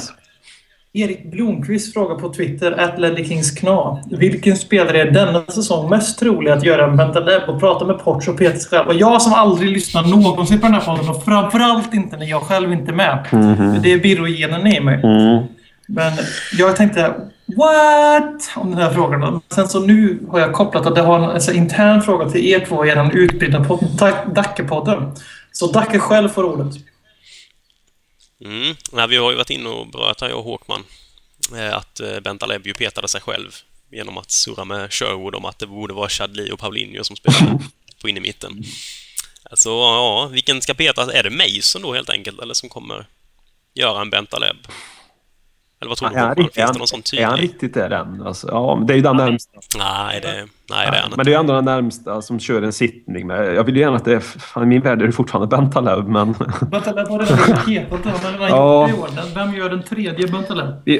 Får man suga lite på den? Det finns, jag, jag har ingen givet svar där. Det- Håkman ger svar på sin Twitter. Att Marcus Håkman, född 1979, vilket gör att han är 35 år. Att- Hashtag att- 35-åringen. Ett dödsångest. Hans nya, hans nya Twitter-handle, som man säger i England. Ja. Viktor Svensson frågar på Twitter. Varför all denna nytillkomna kritik mot Eriksen? Vad har han gjort för att förtjäna den? Tycker fortfarande han bäst i Spurs. Håkman. ja, kritik. Alltså det är ju... Med den fantastiska vår han hade som var exceptionellt bra. Eller exceptionellt bra, men han var ju verkligen, Ja. som jag ser det, extremt bra. Det är som vi pratade med Lamma tidigare. Vissa spelare har man högre krav på. Och det betyder ju inte att de är sämre än de andra, men man har högre krav och då ju, ligger alltid kritiken lite närmare till hans också. Tyvärr. Så det är, väl, det är väl mer det. Att han har inte varit superdålig, men sett till den kravbilden jag har på Eriksen så har han inte varit fulländad än så länge. Men det betyder ju inte att man har gett upp hoppen på något sätt. Herregud, Han långt därifrån. gör väl 7 av 10 säsonger hittills, 6,5 och Det är helt fine, men man förväntar sig bättre som sagt. Jag har exakt samma bild av Eriksson och det var skönt att han fick göra ett mål nu. Kanske kan take, kicka igång lite. Take it to the next level. Ja, han är extremt important för vårt lag. Sådär. Mm. Han är en spelare, much, han är much importante. Ja, ja, alles gut, alles gut. Eh, Tobias Nilsson frågar hade 80-talets spelare varit intressantare på Twitter? Och den får fan ingen annan än Håkman svara på för att han är den enda jag- som kan ha... Ja, alltså jag har inte så mycket på 80-talet. där. Alltså 80-talet... Hod- Hoddles varit intressant att följa. Alltså, På Twitter. Vi, scenariot är givet Han har- att det här är under 80-talet. Ja. Det är de här torra spelarna när de är 50 som de är nu sitter och twittrar. När Hoddle och Waddle ska promota sin eh, musikvideo, eller sin, eh, sina, sina låtar bland annat. Och Hoddle, om han fick gå bananas med sina teorier som han eh, hade även på 90-talet. Han hade fått dem på 90-talet eller inte vet jag inte, men... Tror du inte det?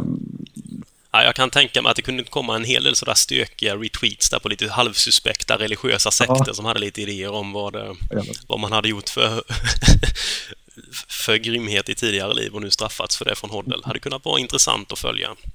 Ja, Hoddle tycker jag skulle vara roligt. Vi tar... eh, Gascoigne också. Ja, fan. Gissas. Jävlar vad kul Alltså sätt, sätta en kamera i pannan på Gascoigne och sen sälja ut det på webben. Liksom, så här. Livestream. Ja, men ja, det är en hund, hundring i månaden någonting sådär. Ja, du signar upp med direkt. Tänk att få följa Gascoigne Det hade varit 24-7. problematiskt med 80-talets uppkoppling dock. Jo, ja, jo. Jo, det hade det varit. Men om vi lever... Ja, vi lever det fanns ju inte Twitter heller Fanns då. Det fanns ju inte Twitter heller då, men... men ja. Peter Ström undrar, jag vill gärna säga, hur, ja, helt enkelt, han vill att vi pratar lite om Jan Furtongens kontrakt och icke-kontrakt eftersom det som händer då med att han, han sa, idag skriver han det här, alltså förra veckan när vi skulle spela in och vi, vi sket i det för vi var så jävla bakfulla allihopa. Eh, då så var det så att vad han hade sagt då, det Jan sa, jag drar i minnet här nu, att han sa någonting om att det var liksom någonting han och klubben kom överens om att nej, vi förlänger inte nu och mer än så var det väl inte. Och vi har redan, vi har redan rört det i podden där vi sa att han har fyra år kvar. Förmodligen så var det en klausul han ville ha in, antingen en utköpsklausul eller en Champions League-klausul eh, som klubben inte var nöjd med. Och jag trodde ju som de flesta att han hade kontraktet 2016. Fast förankrat i djupa Fifa-kunskaper. Om man har kontraktet eh, 2018 är utan tvekan... Jag tror att han måste ju fått någon typ av förlängning, så automatisk förlängning med en löneförhöjning, för annars hade vi väl hört lite mer liv om det tidigare. Men att de nu vill göra en ytterligare en Loris-förlängning, möjligtvis en Bale-förlängning för att säkra marknadsvärde, men så kom de fram till att nej, om du vill ha de här klausulerna så är det inte värt det.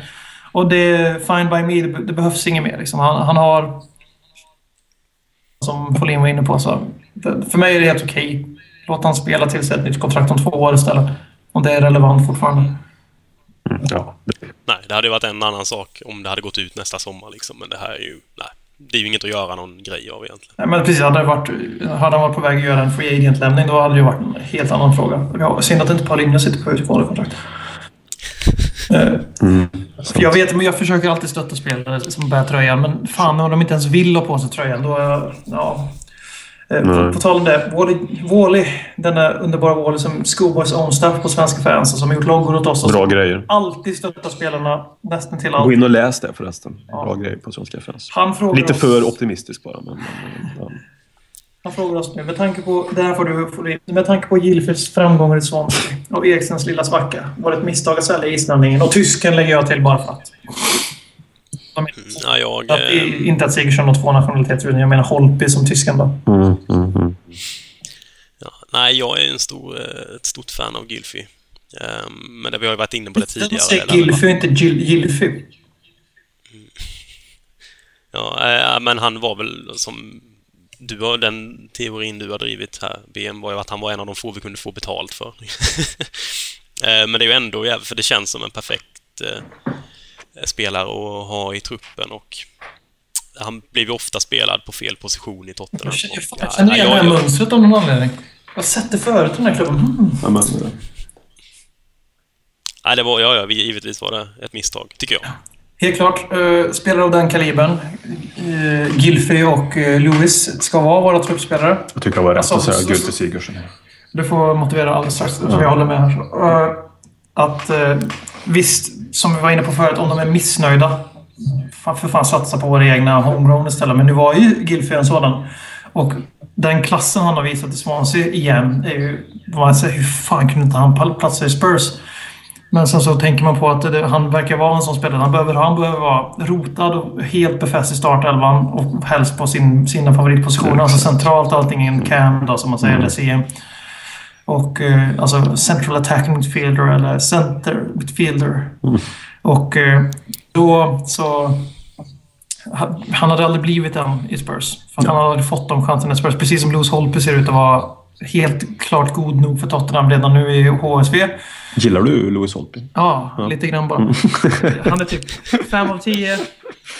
Nej, men att... eh, Nej, men att där är också så liksom, de, de hade aldrig fått de chanserna. Så fan, sälj dem istället. Vi får pengar för dem. De hade aldrig fått spela.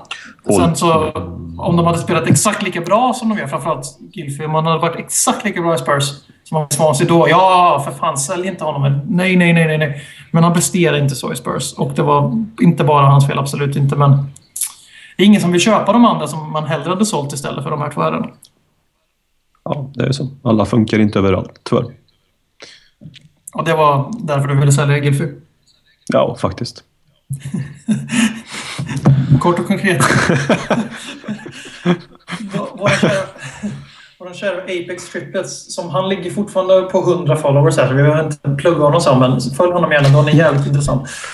Eh, han frågar oss, då hinner jag med en fråga till podden. Vad fan hände med Lennon? Massor med utropstecken. Han ska alltid spela, även när han inte ska spela.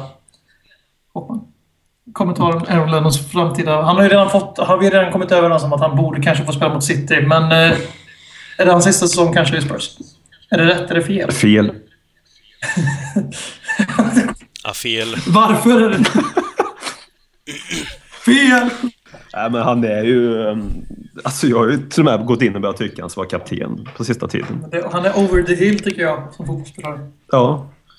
Du kan vara over the hill, säger jag. Nej, men, nej, men han, han, han, han är ju begränsad, men han, han är ju på...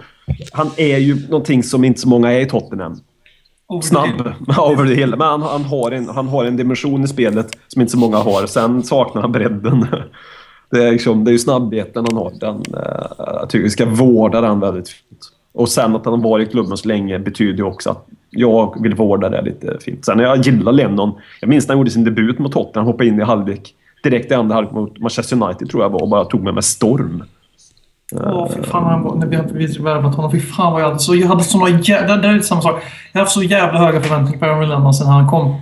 För att han... Ja. Han växlar faktiskt aldrig ut riktigt som jag trodde han skulle. tog Det så, så är det. Nej, jag så är det ju faktiskt. därför jag inte ser... Alltså jag ser en laglojal spelare som ibland Gott visar att han fortfarande har att han kan hata. Det är absolut, att han kan hata, att han kan skapa sådana grejer. Han är laglojal och det är gott nog absolut, Mm. men just att jag har alltid förväntat mig att han skulle ta nästa steg. Så att för mig så är han lite av en besvikelse. Alltså, nu är han definitivt inte det eftersom vi inte har någon fanbärare kvar för huvudtaget förutom honom. Så håller fast i honom för livet. Ja, men det är ju det. Fotbollsspelaren Aaron Lennon ska inte starta varje match i Tottenham Hotspur 2015. Det ska han nödvändigtvis inte göra, men han... Uh, så där säkerställer man att man blir lead-mördad av Apex Triple. Ja. Folin, vill du säga ja eller nej på den? Starta varje match. Nej, men ibland. Cop-out. Vi kör det. Eh, Ytterligare en fråga. Ogulito säger på Twitter, den här kommer jag ta själv. Potentiell Ledley King-ersättare med samma efternamn, finns det? Nej. Möjligtvis som son i framtiden. Det kommer Det aldrig... finns en King i Norge fast han spelar anfallare. Joshua, Han är men inte han i. Blackburn också? Va?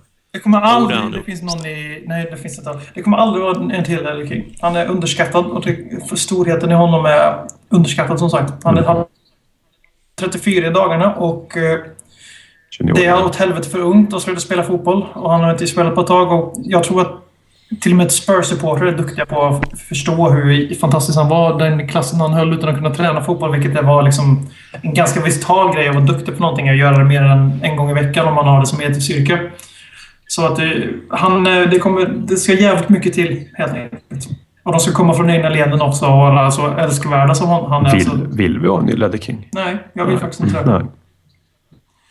Eh, Vi har fått en fråga från Larsa16, även känd som Lars Corneliusson på Twitter, som säger det är dags att ni gräver ner i Damon Comoli och även diskuterar Oj. Om Baldini är en bra technical director, en sportchef. då. Och det är en ganska stor Nu fråga. förlängde du podden. Ja. Eh, Börjar Damon Comoli, vem av er känner er manad att påminna och kanske upplysa yngre lyssnare eller äldre lyssnare för den delen? ja, den här jävla Moneyball-fjanten. Uh, han jobbar så jävla mycket efter statistik och teori. Att man liksom, liksom gör en investering på spel så läste någon jävla statistik och, och i slutändan skulle man tjäna på så och så många jävla mycket pund. Det var ett jävla fiasko. Några spelare har hämtat den Folin. Eh, ja, om man ska... Blanda lite höga lite och fina värvningar. också. Ja, vi har ju en Dimitar Berbatov han plockade in. Han, Inte eh, den jäveln i den här podden. Nej, jag skojar. Ehm, det lär väl antagligen varit han som plockade in Jonas Kabul. Mm. Eh, Asue Kotor var väl han. Mm. Ehm, Darren Bent var han. Darren Bent var en fin värvning. Didier Sokora. Oh, Eh, ja, den säsongen när Ramos gick lös där på, David Bentley. Luka Modric. David Bentley. Så- Eh, Giovanni Dos är vilka jag Santos. säger. Jag säger bara de här fiasko. Aurelio Gomes. Och. Ja, men alltså, jag, jag Ja, tycker... verkligen. Ja, nej, jag, jag gillar inte alls det teorin hade kring eh, att värva. Det är ju bara att Det vill inte titta. Moneyball som man säger. Nej, fruktansvärt dålig film också för övrigt. Ehm, Men eh, som ni, alltså, för att jag belyser att ni säger både toppar och och bottnar. Det är för att jag tycker att än så länge med Franco Baldini så har vi bara sett floppar. Jag tänker inte säga att någon är floppar, men det ser mörkt ut för Vlad Kirikes och Paulinho och eh, även, även Roberto Sola. ja, det ser mörkt ut. Ja. Men eh, det jag känner här är att vart är toppspelarna? Vart är, vart är hans Modric och hans Gio dos Santos? Vart, vart är Barbato-värvningarna? Får han... Alltså, är ju- alltså visst, han fick alla Bale-pengar att köpa för. Christian Erik, vad fan, Så Eriksen? Ja, det, det, men det känns ju... Var är hans det? Men alltså, Nej, det känns ju inte lika inte det var- tydligt att det är... Alltså, det går på magkänsla. Det känns inte så tydligt att det är bara Baldini som är sportchef. Nej, det är klart inte. Mm, annan Alltså, det finns en annan som är... Rätt eller fel, det, det avgör jag ju inte nu, men alltså, det kändes mer när Komoli... Då kändes det mer att det var han som var... Mm, den som styrde och ställde och köpte in spelarna. Men det är inte riktigt på samma sätt längre. Det, det, Det, det, det, lite, jag är faktiskt med det där, för det som känns... Alltså värvningar som känns Baltini eller Mela Soldado. ja, Och möjligtvis Vlad också, eftersom Roma vill ha honom och det, den ja, kopplingen precis. Ja. Eller ville ha honom. Det är liten chans att de ville fortfarande. Även om det är synd om honom faktiskt efter den matchen. Ja, det är det faktiskt. På fulla allvar. Det säger Ja. vi inte med ironi för en gångs skull. Eh, Nej, men på riktigt. Ja. Och eh, de värvningar... AVBs värvning var Paulinho. Livis värvningar var Chadli, Eriksen, Loris, Vertong. Alltså det är den bilden jag har. Ja, Då är det-. Då är det Livet som ska vara sportchefen då. Det är väl tydligt Ja, när vi det, upp det det, det, det, jag kan ju vara jävligt fel nu, för det, Ja, jag ja. vet ju uppenbarligen ingenting om det här.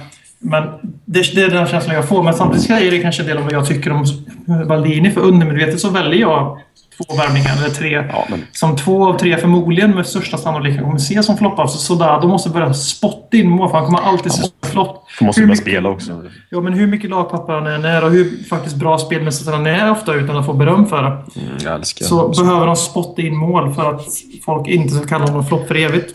Lamela bör redan ha börjat spela sig bort från den här floppstämpeln. Sen behöver han växla upp om man ska se som en bra värvning. Absolut, men nu är han bara en godkänd värvning, ish.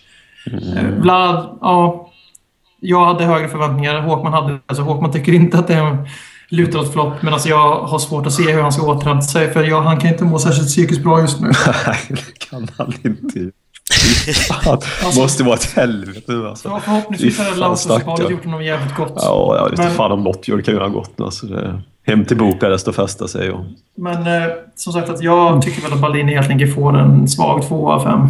ja, tyvärr. Men det är ju det var liksom, Eller inte en, svag, en 2 av 5, det är svagt. Det är svagt. Men du sa en svag två. Ja, det var väl Ja. lite för hårt kände jag. Så. Eh, Men det, ja.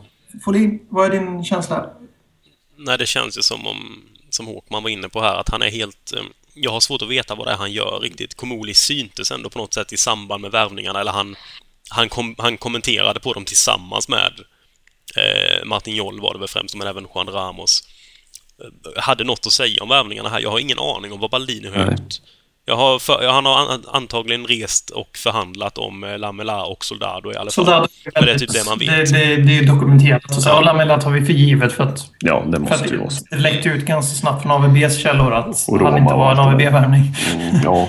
Men förutom det och att han eh, ska ha erbjudit att eh, säga upp sig självmant när AVB fick sparken så har jag ingen aning om vad han har gjort. Så jag tycker det är sjukt svårt att... Han, det, han, det känns inte som han är i klubben för jag, han... Nej. Jag, trodde han skulle få smyga ut bakvägen nu när AVB, efter att, han, att han ville lämna en AVB sjönk. Det tycker jag var hedersvärt. För men det ska man göra. Man gör det, man genomdriver grejer ihop. Man misslyckas ihop. Sen om han ska nu, eftersom han uppenbarligen inte är den där sportchefen som ska lägga riktningen för klubben så kan han lika bra fått följa med då. För då tycker jag det är hedersvärt. Men om han har sagt att det är jag som leder sportliga ledningen. Jag ska stå kvar. Det är min roll att vara den som håller den röda tråden eller blåvita tråden. Och då är det inte hedersvärt, men det är en annan femma. Men ni får snabbt säga, vem, vem av dem håller ni ranken är högst? Ni Alltså, får inte säga Livi, Nej. utan Comole eller Baldini. på. Komoli i sådana fall. Jag skulle vilja prata om, jag skulle vilja för- prata om Komedi och det sättet han eh, vi värvar spelare på en timme nästan. För det, det är Nästa veckas så jävla provocerande. Det är ju bara att titta vad han köpte när han kom till. Han, hade, han, när han skulle försvara varför han köpte en han hade någon jävla utläggning i något engelskt program att det var så rätt att lägga ut den investeringen sett till att de sålde Torres för 50. Och att uh, Andy Carroll på lång sikt kommer vara en bra investering. Bla, bla, bla, bla, bla, bla, bla, hyser bla. fan samma ark i statistikström. Ah, fy Jag- fan, vad jag har ofta fått Ja, men visst. hockeyspelare som vi sågade för statistiska insatser. Och frågade har du sett matchen? Nej, jag läste boxscore. Ja, men då har du fan ingen rätt att uttala dig om du Nej, bara var inte-. Alltså. Det var ju som, som, som Folin sa i en match, nu, nu pratar jag om Vlad och hans insats. Det var någon som hade försvarat Vlad i en Europa League-match när han hade gjort mest brytningar. Var det inte det, Folin? Men det berodde Mm, väl också på för att han kanske tappade bollen rätt mycket och fick jobba tillbaka och bryta. Men alltså det, det är klart att statistik som säger en del ibland. Vissa, jag tycker att löpmeter säger någonting. Sen kan man ju också tycka att löpa rätt och allting där, bla bla bla.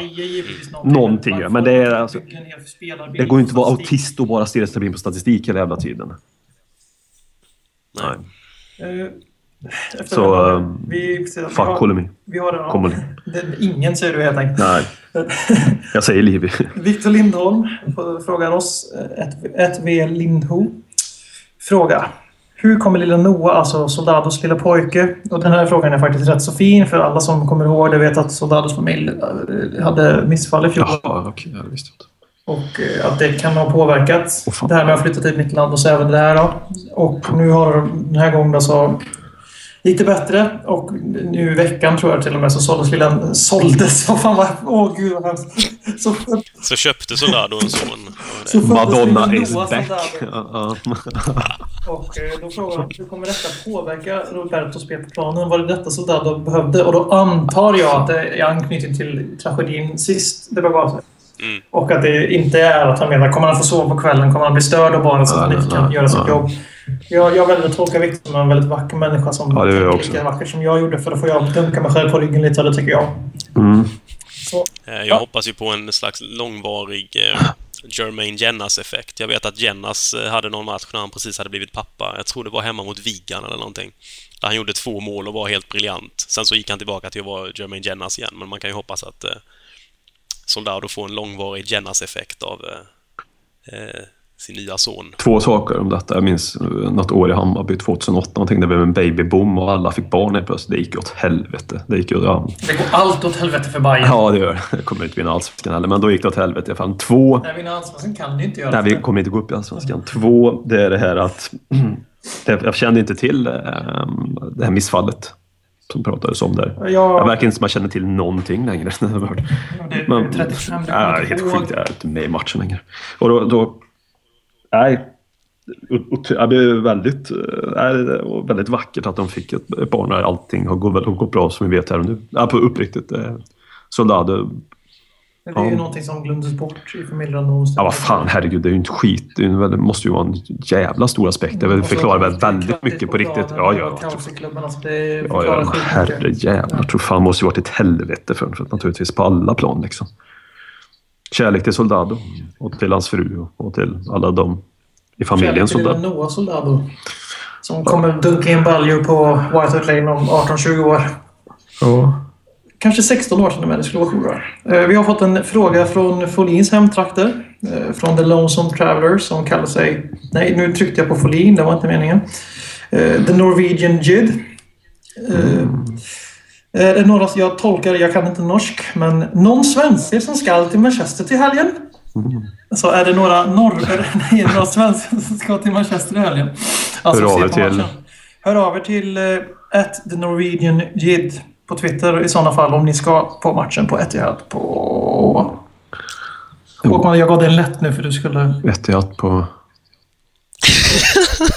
Jag fattar inte Ja, alls. men det så var... Jag bara dagdrömmer. Jag är inne i en annan värld nu. Du är så jävla borta idag. Jag älskar det. Är helt väck alltså. Men det så var del Ja, ett av, av veckans avsnitt Ja. avslutad. För er som inte vill höra oss prata om Lasse Lagos Reykjavik, kungen av Sverige, Lagerbäck och annan landslagsfotboll fr- främst så råder vi att stänga av så hörs vi nästa vecka. Men ni stänger ju inte av. Nej, nej, för alla stannar ju kvar och lyssnar på Nu tar vi lite halvtidspaus. Uh, gå in och drick lite Rödvin. halftime tea, som vi säger i England. Eh, så kör vi andra halvlek.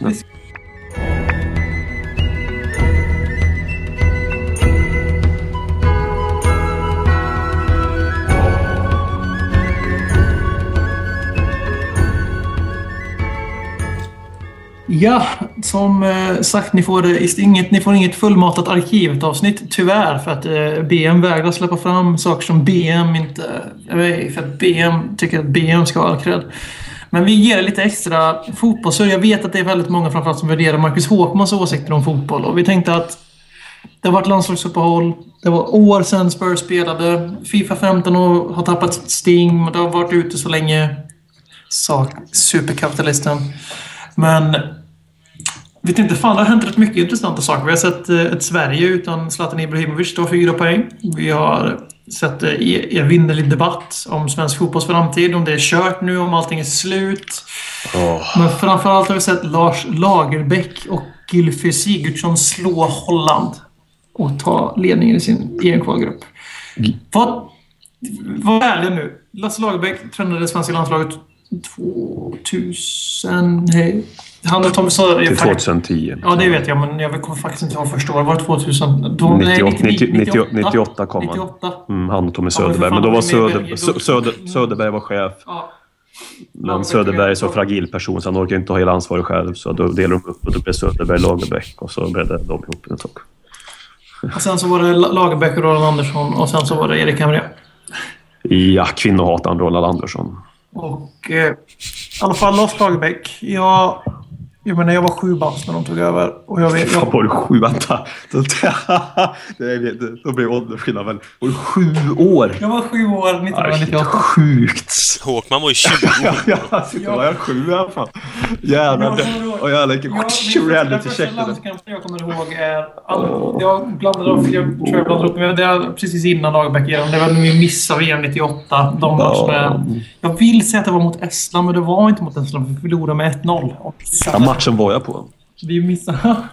Så ser, I alla fall, sen efter detta Lagerbäck över. Så länge sedan var det allt jag kände till med svensk fotboll, landslagsfotboll och... Så jag- du är egentligen Lagerbäck, Ja. generationen fullt ut. Ja, och jag dyrkade svenska landslaget väldigt länge. Det liksom, för jag hade inga, inga tankar alls på att man skulle vara kritisk mot ett landslag. du det var ju liksom en du var ju barn också. Ja.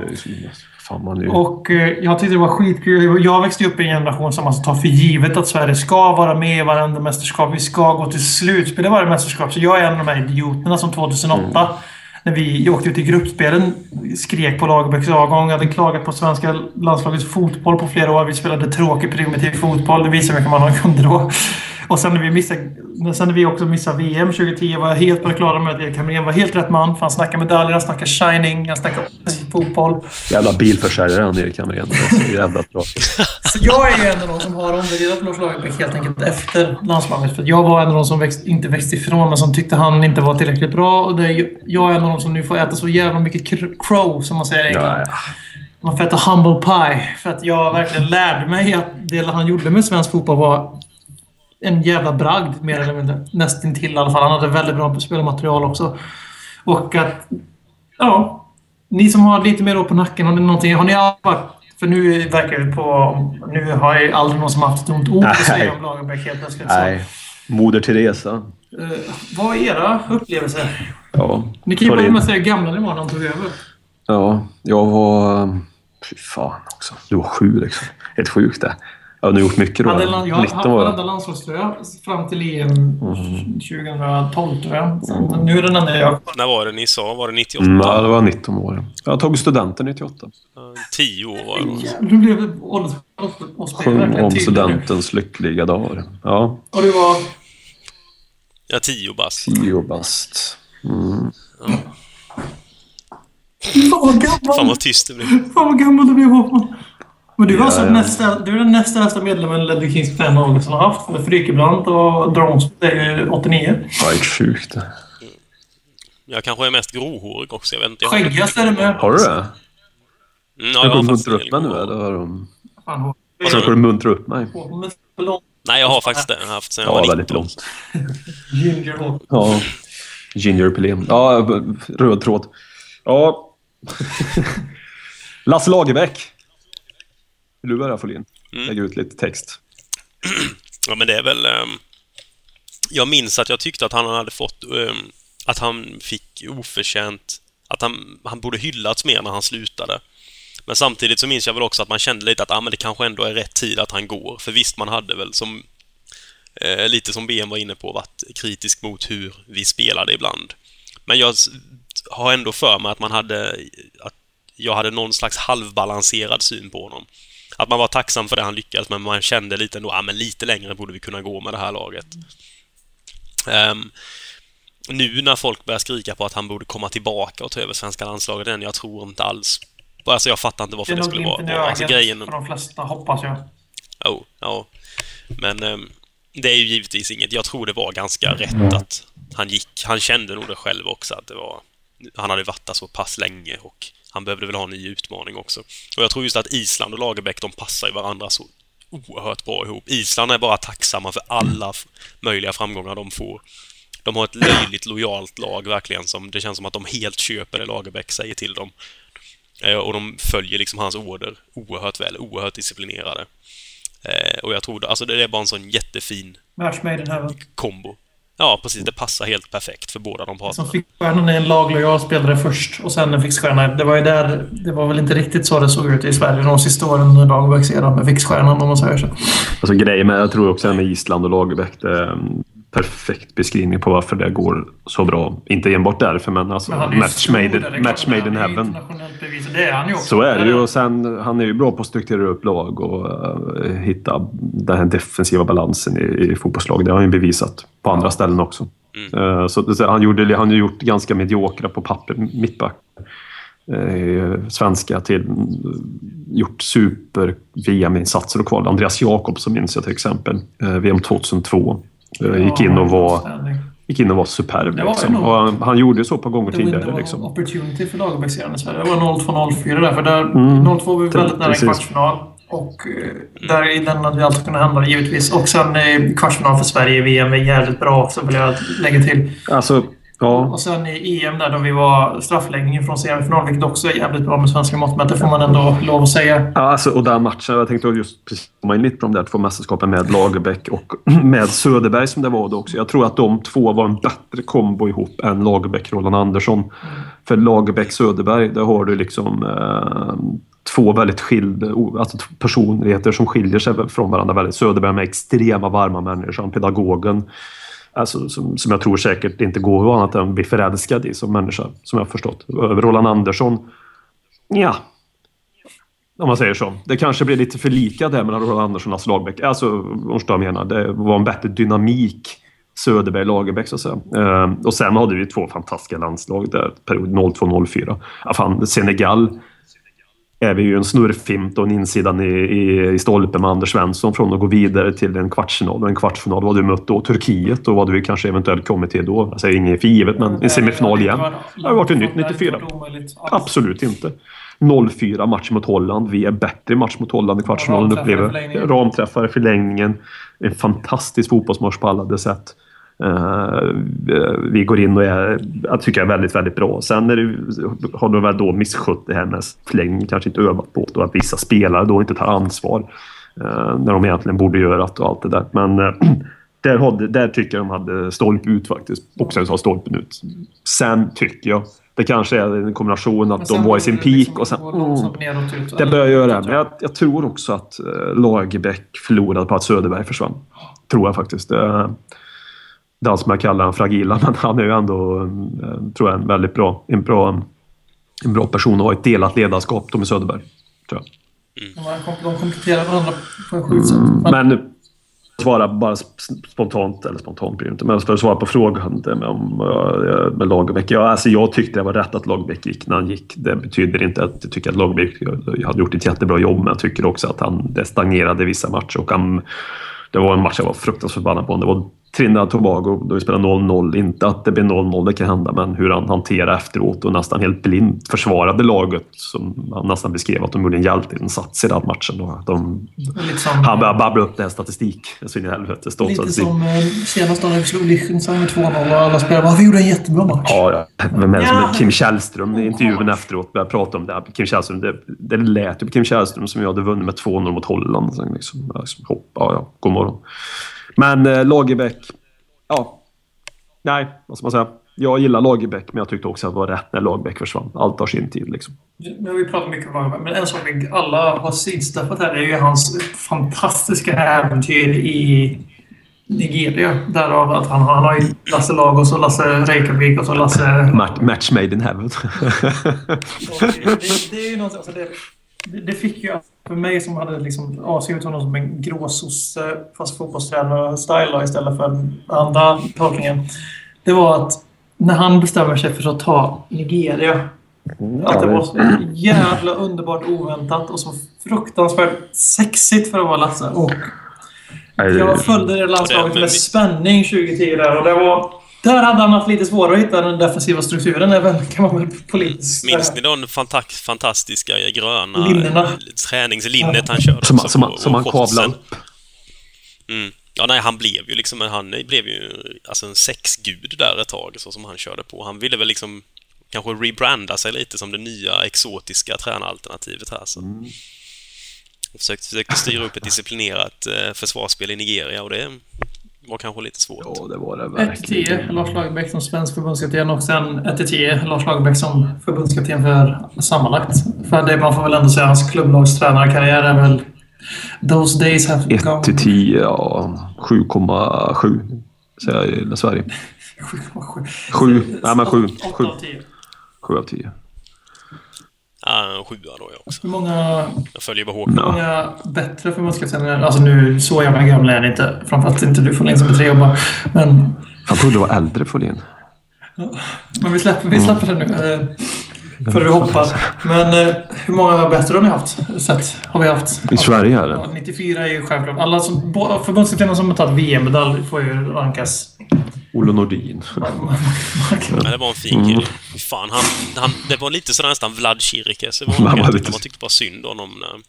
Alltså jag var ju inte med då, men det man har sett från EM, eller VM 90-krönikan och det där, det måste ju varit... Han kändes som han ville oerhört mycket. Det var kämpigt. Spontant, Men, eh, du rank, rank, rankar högre som du själv upplevt förutom Tommy Svensson då? Om du ens gör Ja, det? det är ju bara han och de upplevt innan Erik Hamrén. Ja, Så, Eller får du titta tillbaka i arkivet. ja, utom, Men 50, 58 då? Hur- ja, precis. Men man kan väl slå fast att han är... Ja, Att han, Lagerbäck är där uppe bland de Alltså, största. Måste, det måste han måste så är det vara. Så är det definitivt. Det, vi, har inte, vi, bytte, ju- vi byter ju inte så mycket förbundskaptener. Det är ju fint. Nej, men, ja. Ja, nu borde vi byta. Men eh, Hamrén är någon vi inte kommer beröra särskilt mycket just nu. Förutom att jag, det, min spontana tanke med honom är att brutna luften. Det är det första jag tänker på när Erik Hamrén... Förutom Shining så tänker jag på brutna luften. Och eh, feghet. Ja, Skojare, bilförsäljare, opålitlig. Att, eh, det började lovande. Ish. Och han har visat att det finns någonting som att han kan ta fram det mot bättre lag när Zlatan är på humör. Men När Zlatan är på humör. Ja, precis. Men ja, vi kan väl kort och gott säga så, alltså, så ta bort alla känslomässiga argument på honom. Mm. 1-10 Erik Hamrén.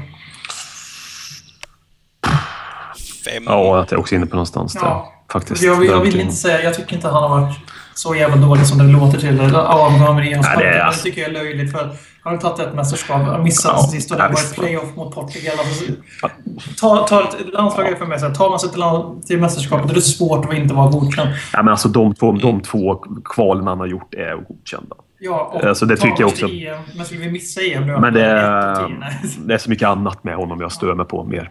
Faktiskt personligen. Alltså, jag har svårt för personen känns det som. Utifrån den bilden. För det varit så jävla inne i poddvärlden nu de senaste veckorna. Pratar man sig över efter den för alla är väldigt rörande. Ja, och så Den alla som- säger väl Hasse Backe också hela tiden. Ja, han är väl typ 73 när efter 26 Han har han har börjat komma upp på åren. Ja, 62 nu. Ja, Ja, 73 då, om två år. Mm. Matte. Men vem? Eller vilka? Är det två vi ska ha på bänken? Ska vi ha Hamrén och Albeck? Eller ska vi ha en förbundskapten som de flesta andra länder har en, har en tydlig assistant manager istället för att ha någon typ av låtsasroll för Ja, någon mysgubbe från Göteborg? Ja, det är svin. Ja. Ja, just det. Mysgubbe. Ska ja. vi plocka in en, eh, Stefan en, Alm. eh, Åge Hareide då, eller? Det ska ju inte vara helt omöjligt. Det Ja, beroende på hur nej, det går. ja, faktiskt. Det, får man, det kan man fan inte säga någonting om. Det Nej, faktiskt. Det Malmö har gjort efter Norling har blivit ännu bättre efter den spelade alliansen. Men det måste vara. Mo- Hareide måste ha någonting med att göra. Ja, det var faktiskt bra namn. Och, Mm. eh, ja, de är riktigt bra just nu Malmö. Och det skulle fan vara ganska det är- spännande att se. Det man ja, Och det som hade kunnat vara bra där, eller vad kan man säga? I många fall så är det väl just också att ta ett, eh, ett landslagsuppdrag. Det kan ju lätt bli liksom det sista du gör i det. Eh, och Hareide är väl liksom, han är ju på, på slutet av sin karriär. Han har ju hållit på jäkligt för länge. Han hade tänkt ju börja jobba civil till och med. Eller vad det var. Haft relativt tuffa sessioner precis innan. Mhm. Eh, I Lill tänkte jag säga, fast det stämmer inte. Där har han inte varit lite. svängt. Nej, det har inte Däremot har han haft Hasse Backe som tränare. Som tränare. Då, då han sa, han pratade om det i Lunds, i Lunds fotbollssport. Han var lagkapten i något av Backes lag. I Molde var det va? Ja, i Molde var det va? Där när, eh, Backe drog in... Fan, de måste ju vara jämnåriga planen och skulle stoppa en straff. Det var magiskt. Det måste vara jämnåriga nästan där. Ja. Nej men alltså Åge Hareid är ju ett, ett Det var, fan, intressant det var namn. fan riktigt bra. Nu blir jag lite paff. Jag Ja, det var faktiskt bra. Jag tänkte randa upp Fan, du dödade diskussionen. Som typ Norling, Stare, Mjällby. Alltså sådana som egentligen inte har förtjänat det.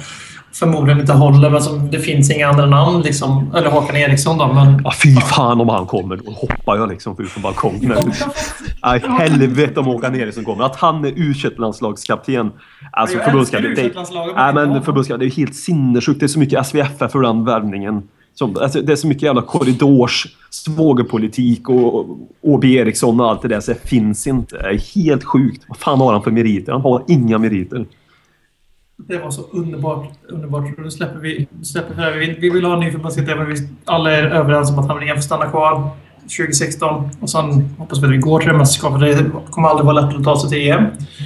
Ja, det. Och, men om vi pratar, vi skiter i den här tråkiga Spurs landslagskollen som man kan läsa på hemsidan. Men lite annat, alltså hur, hur viktigt är landslagsfotboll för det? Det är så jävla olika för människor har jag märkt. Fan. Eh, Alltså, det, Nej, Jag, jag har... eh, Ja, nej, kör du. eh, det är alltså... Nej, pass. Jag vet inte. Det, är alltså, jag är tvådelad. Alltså, jag, jag svänger. Alltså, landslaget är ju jävligt viktigt, för det är ändå det som... Nu är jag inte tvådelad längre. Ja, och, och det är det. Du kan inte hålla på... Det är ändå fortfarande någonting som inte har förändrats så mycket i grunden hur du ska jobba med ett landslag. Det är ungefär det påminner som det var 1950. Det påminner mycket om det efterlyst- 2014. Alltså sättet du måste jobba på om du inte heter Qatar 2020 för då kommer det vara på ett helt annat sätt. Men alltså... Så det är ju det som är charmen med landslaget tycker jag. Landslagen. Tittar du på landslaget? Ja, ja. Nej, inte för fem öre. Då, Men då du, tittar jag... du Titt, tittar inte ens på Tottenham träningsmatcher. nej, precis. Jag tittar inte på träningsmatcher överlag så det är, ingen, det är samma överallt. Jag tittar faktiskt på träningsmatcher ibland, men då krävs det att eh, truppen är spännande. Inte samma gamla vanliga brunkare som ska göra det i varje match. För jag tycker det känns... Det är något, det känns som vi har haft samma landslag sedan 2007 ungefär. Eh, I truppen. Det är väldigt få som kommer fram och det är ett underbetyg till svensk fotboll, men också ett underbetyg till feghet från topp. Både från Lagerbäck och från Hamrén att de vågar inte ta in unga först. Jag tycker att vi tar in dem när de är 25, Durmaz-vekta. Liksom, de är inte unga längre. Varför kan inte de fått med i landslaget på riktigt sen de var 22 21 hur, mycket, hur jävla mycket bättre kan de ha blivit? Alltså det, de har ändå spelat i Det, samma klubb. All, all, Ekdal har spelat i samma liga sedan han var 17. I Calcium. Och, eh, och jag tycker vi har det. Vi har, Käkat eh, Pasta. carbonara. ja, vi fantastiska har, mat. vi har jag tycker vi har idag i svensk fotboll en ganska fin, en ganska, inte fin stomme för den är för tum för den, men vi har faktiskt en, en centrallinje. Som om Zlatan Ibrahimovic inte hade fyllt 33 precis, så hade det varit, hade jag sett, faktiskt är ganska stora framtidshopp. Då hade jag haft Granqvist när, som Granqvist när han spelar med någon som tänker, säga alltså Antonsson då, som är väl, kanske jag har rätt så dålig koll på svenska mittbackar. Jag hoppas på Helan- Helander väldigt mycket i u Men att då är Granqvist faktiskt ganska bra. Det tycker jag. Han är ingen Mjällby, han är ingen Nej, Patrik. Andersson. Men han är ändå betydligt bättre än han är när han spelar med någon annan krigare, om vi är snälla mot dem. Han var ju bra nu sist igen faktiskt. Durmas, Ekdal är bra fotbollsspelare. Senging har gjort det, kommit in och varit lite flärd. Också någon som borde varit med tidigare. Redan från Bayern, Bayern-dagarna givetvis. Och sen så har vi Zlatan där uppe som är världsklass i alla dess former. Och sen U21 Ja, så, U21 så har vi också ett gäng som är på väg. Mm, ja. Och då, är det så här, då känner jag... Det kommer, eftersom Harén vet att 2016 är slutet för honom. Det verkar inte som att han har några större ambitioner att stanna kvar. Men det kan ju förändras givetvis. Han kommer inte, Zlatan han, bestämmer det. ja, ja, han kommer inte lyfta upp någon. Han kommer satsa på det här laget. Han kommer kanske eventuellt byta ut 34-åriga Elma- Hel- Hel- Helmander, Elmander och så vidare och plocka in Gudetti då, för det känns väl ganska rimligt att Gudetti kommer tillbaka som han var ganska svag för honom för tre år sedan. Så beroende på om man liksom har det fortfarande, vilket embryot i Celtic och u visar att han har, men det är för tidigt att spå. Celtic, liksom skotska Ja, ligan. jo, det är superettan liksom. Sen har- Ja, jag tror Celtic skulle sopa hem allsvenskan. Tillsammans med Malmö i ganska överlägsen stil. Celtic skulle aldrig till allsvenskan. Okej. Jag ber- håller inte med. Nej. Eh, och eh, det är ändå liksom... att Det kommer, han kommer inte göra generationsväxling. Då kommer vi stå där igen 2016 så kommer vi ha en, en massa spelare som är unga och lovande med svenska mått mätt som är redan 25-26 och inte kommer ta några enorma kliv framåt. Och så kommer vi kommer liksom fastna i den här jävla spiralen. Alltså det är nu man ska generationsväxla. Vi snackar, vi snackar om ett EM-kval av 24 lag som var med i EM och typ 48 sammanlagt som ställer upp i kvalet eller vad fan det är.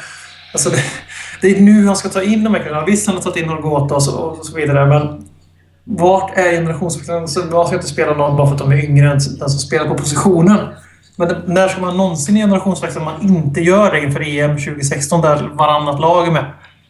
Kanske. Typ.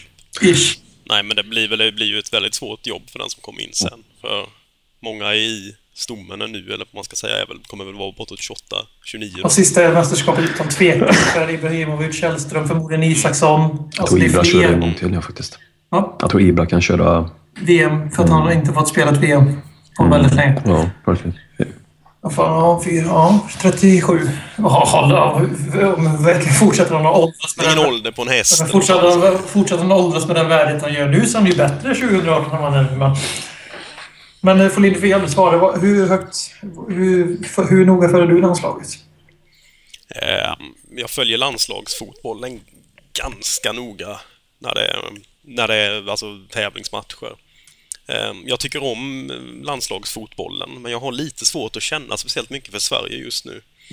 Eh, om jag ska vara helt ärlig. Jag brukade var engagera mig betydligt mer i... eh, i Det är Norges landslag som gäller med Martin Ödegaard.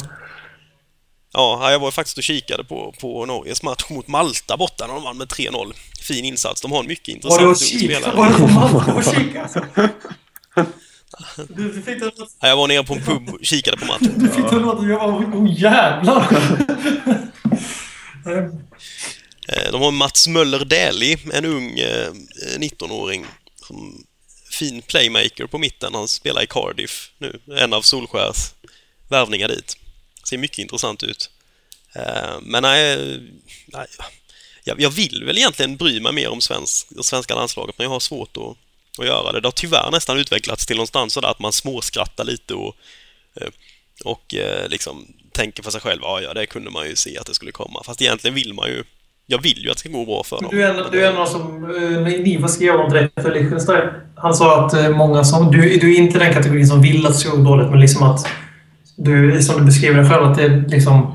Man förväntar sig att det ska gå dåligt så man kan skratta lite åt. Ja, men, ja, men nästan lite så. Alltså, det blir en slags försvarsmekanism att man skämtar om hur dåligt det är. att Man, det är liksom nästan den här Spursy-grejen, fast ja, Det nästan hamnar i en värre.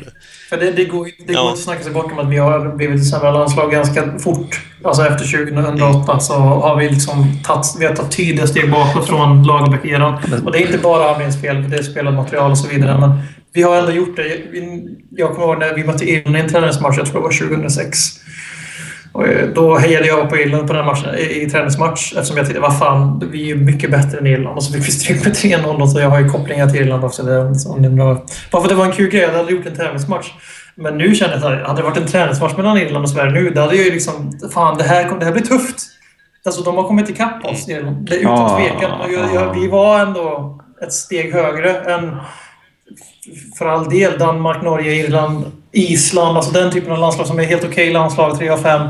Vi var ändå 3,5, kanske till och med 4-5 på en bra dag. Men nu är vi verkligen inte där längre. Utan nu är vi definitivt nere i tredje sidningsgruppen där vi är hemma. Jag skulle, jag skulle definitivt hålla Ryssland och Österrike som bättre fotbollslag än Sverige 2014. Jag tycker verkligen det. Det märks i, hittills i kvalet. Det finns nog en poäng där faktiskt. Tyvärr. Vi har tagit poängen, men vi har inte haft spelet. Nej, Nej det är lite uh, AVB-fotboll. Ja, faktiskt. Eh, Fick du in en pik mot honom också? Vi skulle gärna fortsätta det här samtalet. Nu är det så att u landslaget spelar playoff mot Frankrike. Vi är underläge 0-2 och eh, Och jag så- tänker se på den så jag tänker kicka ut det nu från den här podden. Och vi har vi så- ett en- ett envalsbeslut och avbryter Dalle Kings knäna. Jag och Folin hade vi kört en timme till. Två. Ja, vi har ju knappt börjat. Det är ju introt till Malafan när vi kör. i ni sitter kvar i sovrummet så går det bra. Ja, jag är helt slut faktiskt. Jag är helt manglad känner jag mig nu. Det- Men eh, Ja, ja du, så, du kändes ju lite halvdöd när vi började den här podden. det är en bladinsats. Ja, ja, ja. Vi har sympati, inte hån. Det är bra. Men jag skulle vilja säga att vi, för det blev lite olyckliga omständigheter, så vi vill, eh, vi vill branscha ut lite den här säsongen och prata lite om annat än bara Tottenham. För det blir liksom, man kan bara förnya hjulet hur många gånger som helst. Och vi tar jättetacksamt emot era förslag på saker ni vill att vi ska göra med podden, hur vi kan utveckla podden. kritik helt enkelt. Förslag till nya inslag. Vad saknar ni? Till exempel saknar ni nog Håkman Show, för det fick ni inget den här veckan och det vet vi att det kommer bli ramaskri av. Framförallt nu när ni upplyser om det. Men och sen, ja precis, kom med vad kan bli bättre. Och ge förslag till segment helt och hållet. Och fan, kör inte den femöringsgrejen och bla bla bla vad det nu kan tänkas vara. Och förslag på annan fotbolls, annat fotbollssurr ni vill höra. Det var alltså jag som hittade på ett namn till ett figment som Ja, jag inte fanns. ingenting. Jag har inte fattat någonting på hela dagen så det är väl ett tema som... Nej, men liksom, hör av er till oss på Facebook eller Twitter och feedback och förslag och vad vill ni höra oss prata om om vi fortsätter att prata lite annat än Spurs i våra avsnitt. Och så tack för oss. Tja. Tack.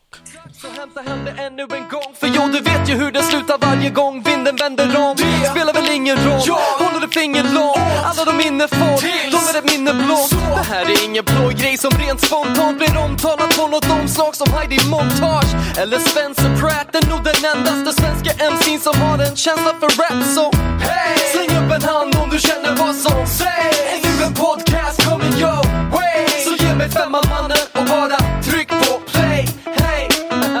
hey! Släng upp en hand om du känner vad som sägs. Är du en podcast coming your way? Så ge mig femman mannen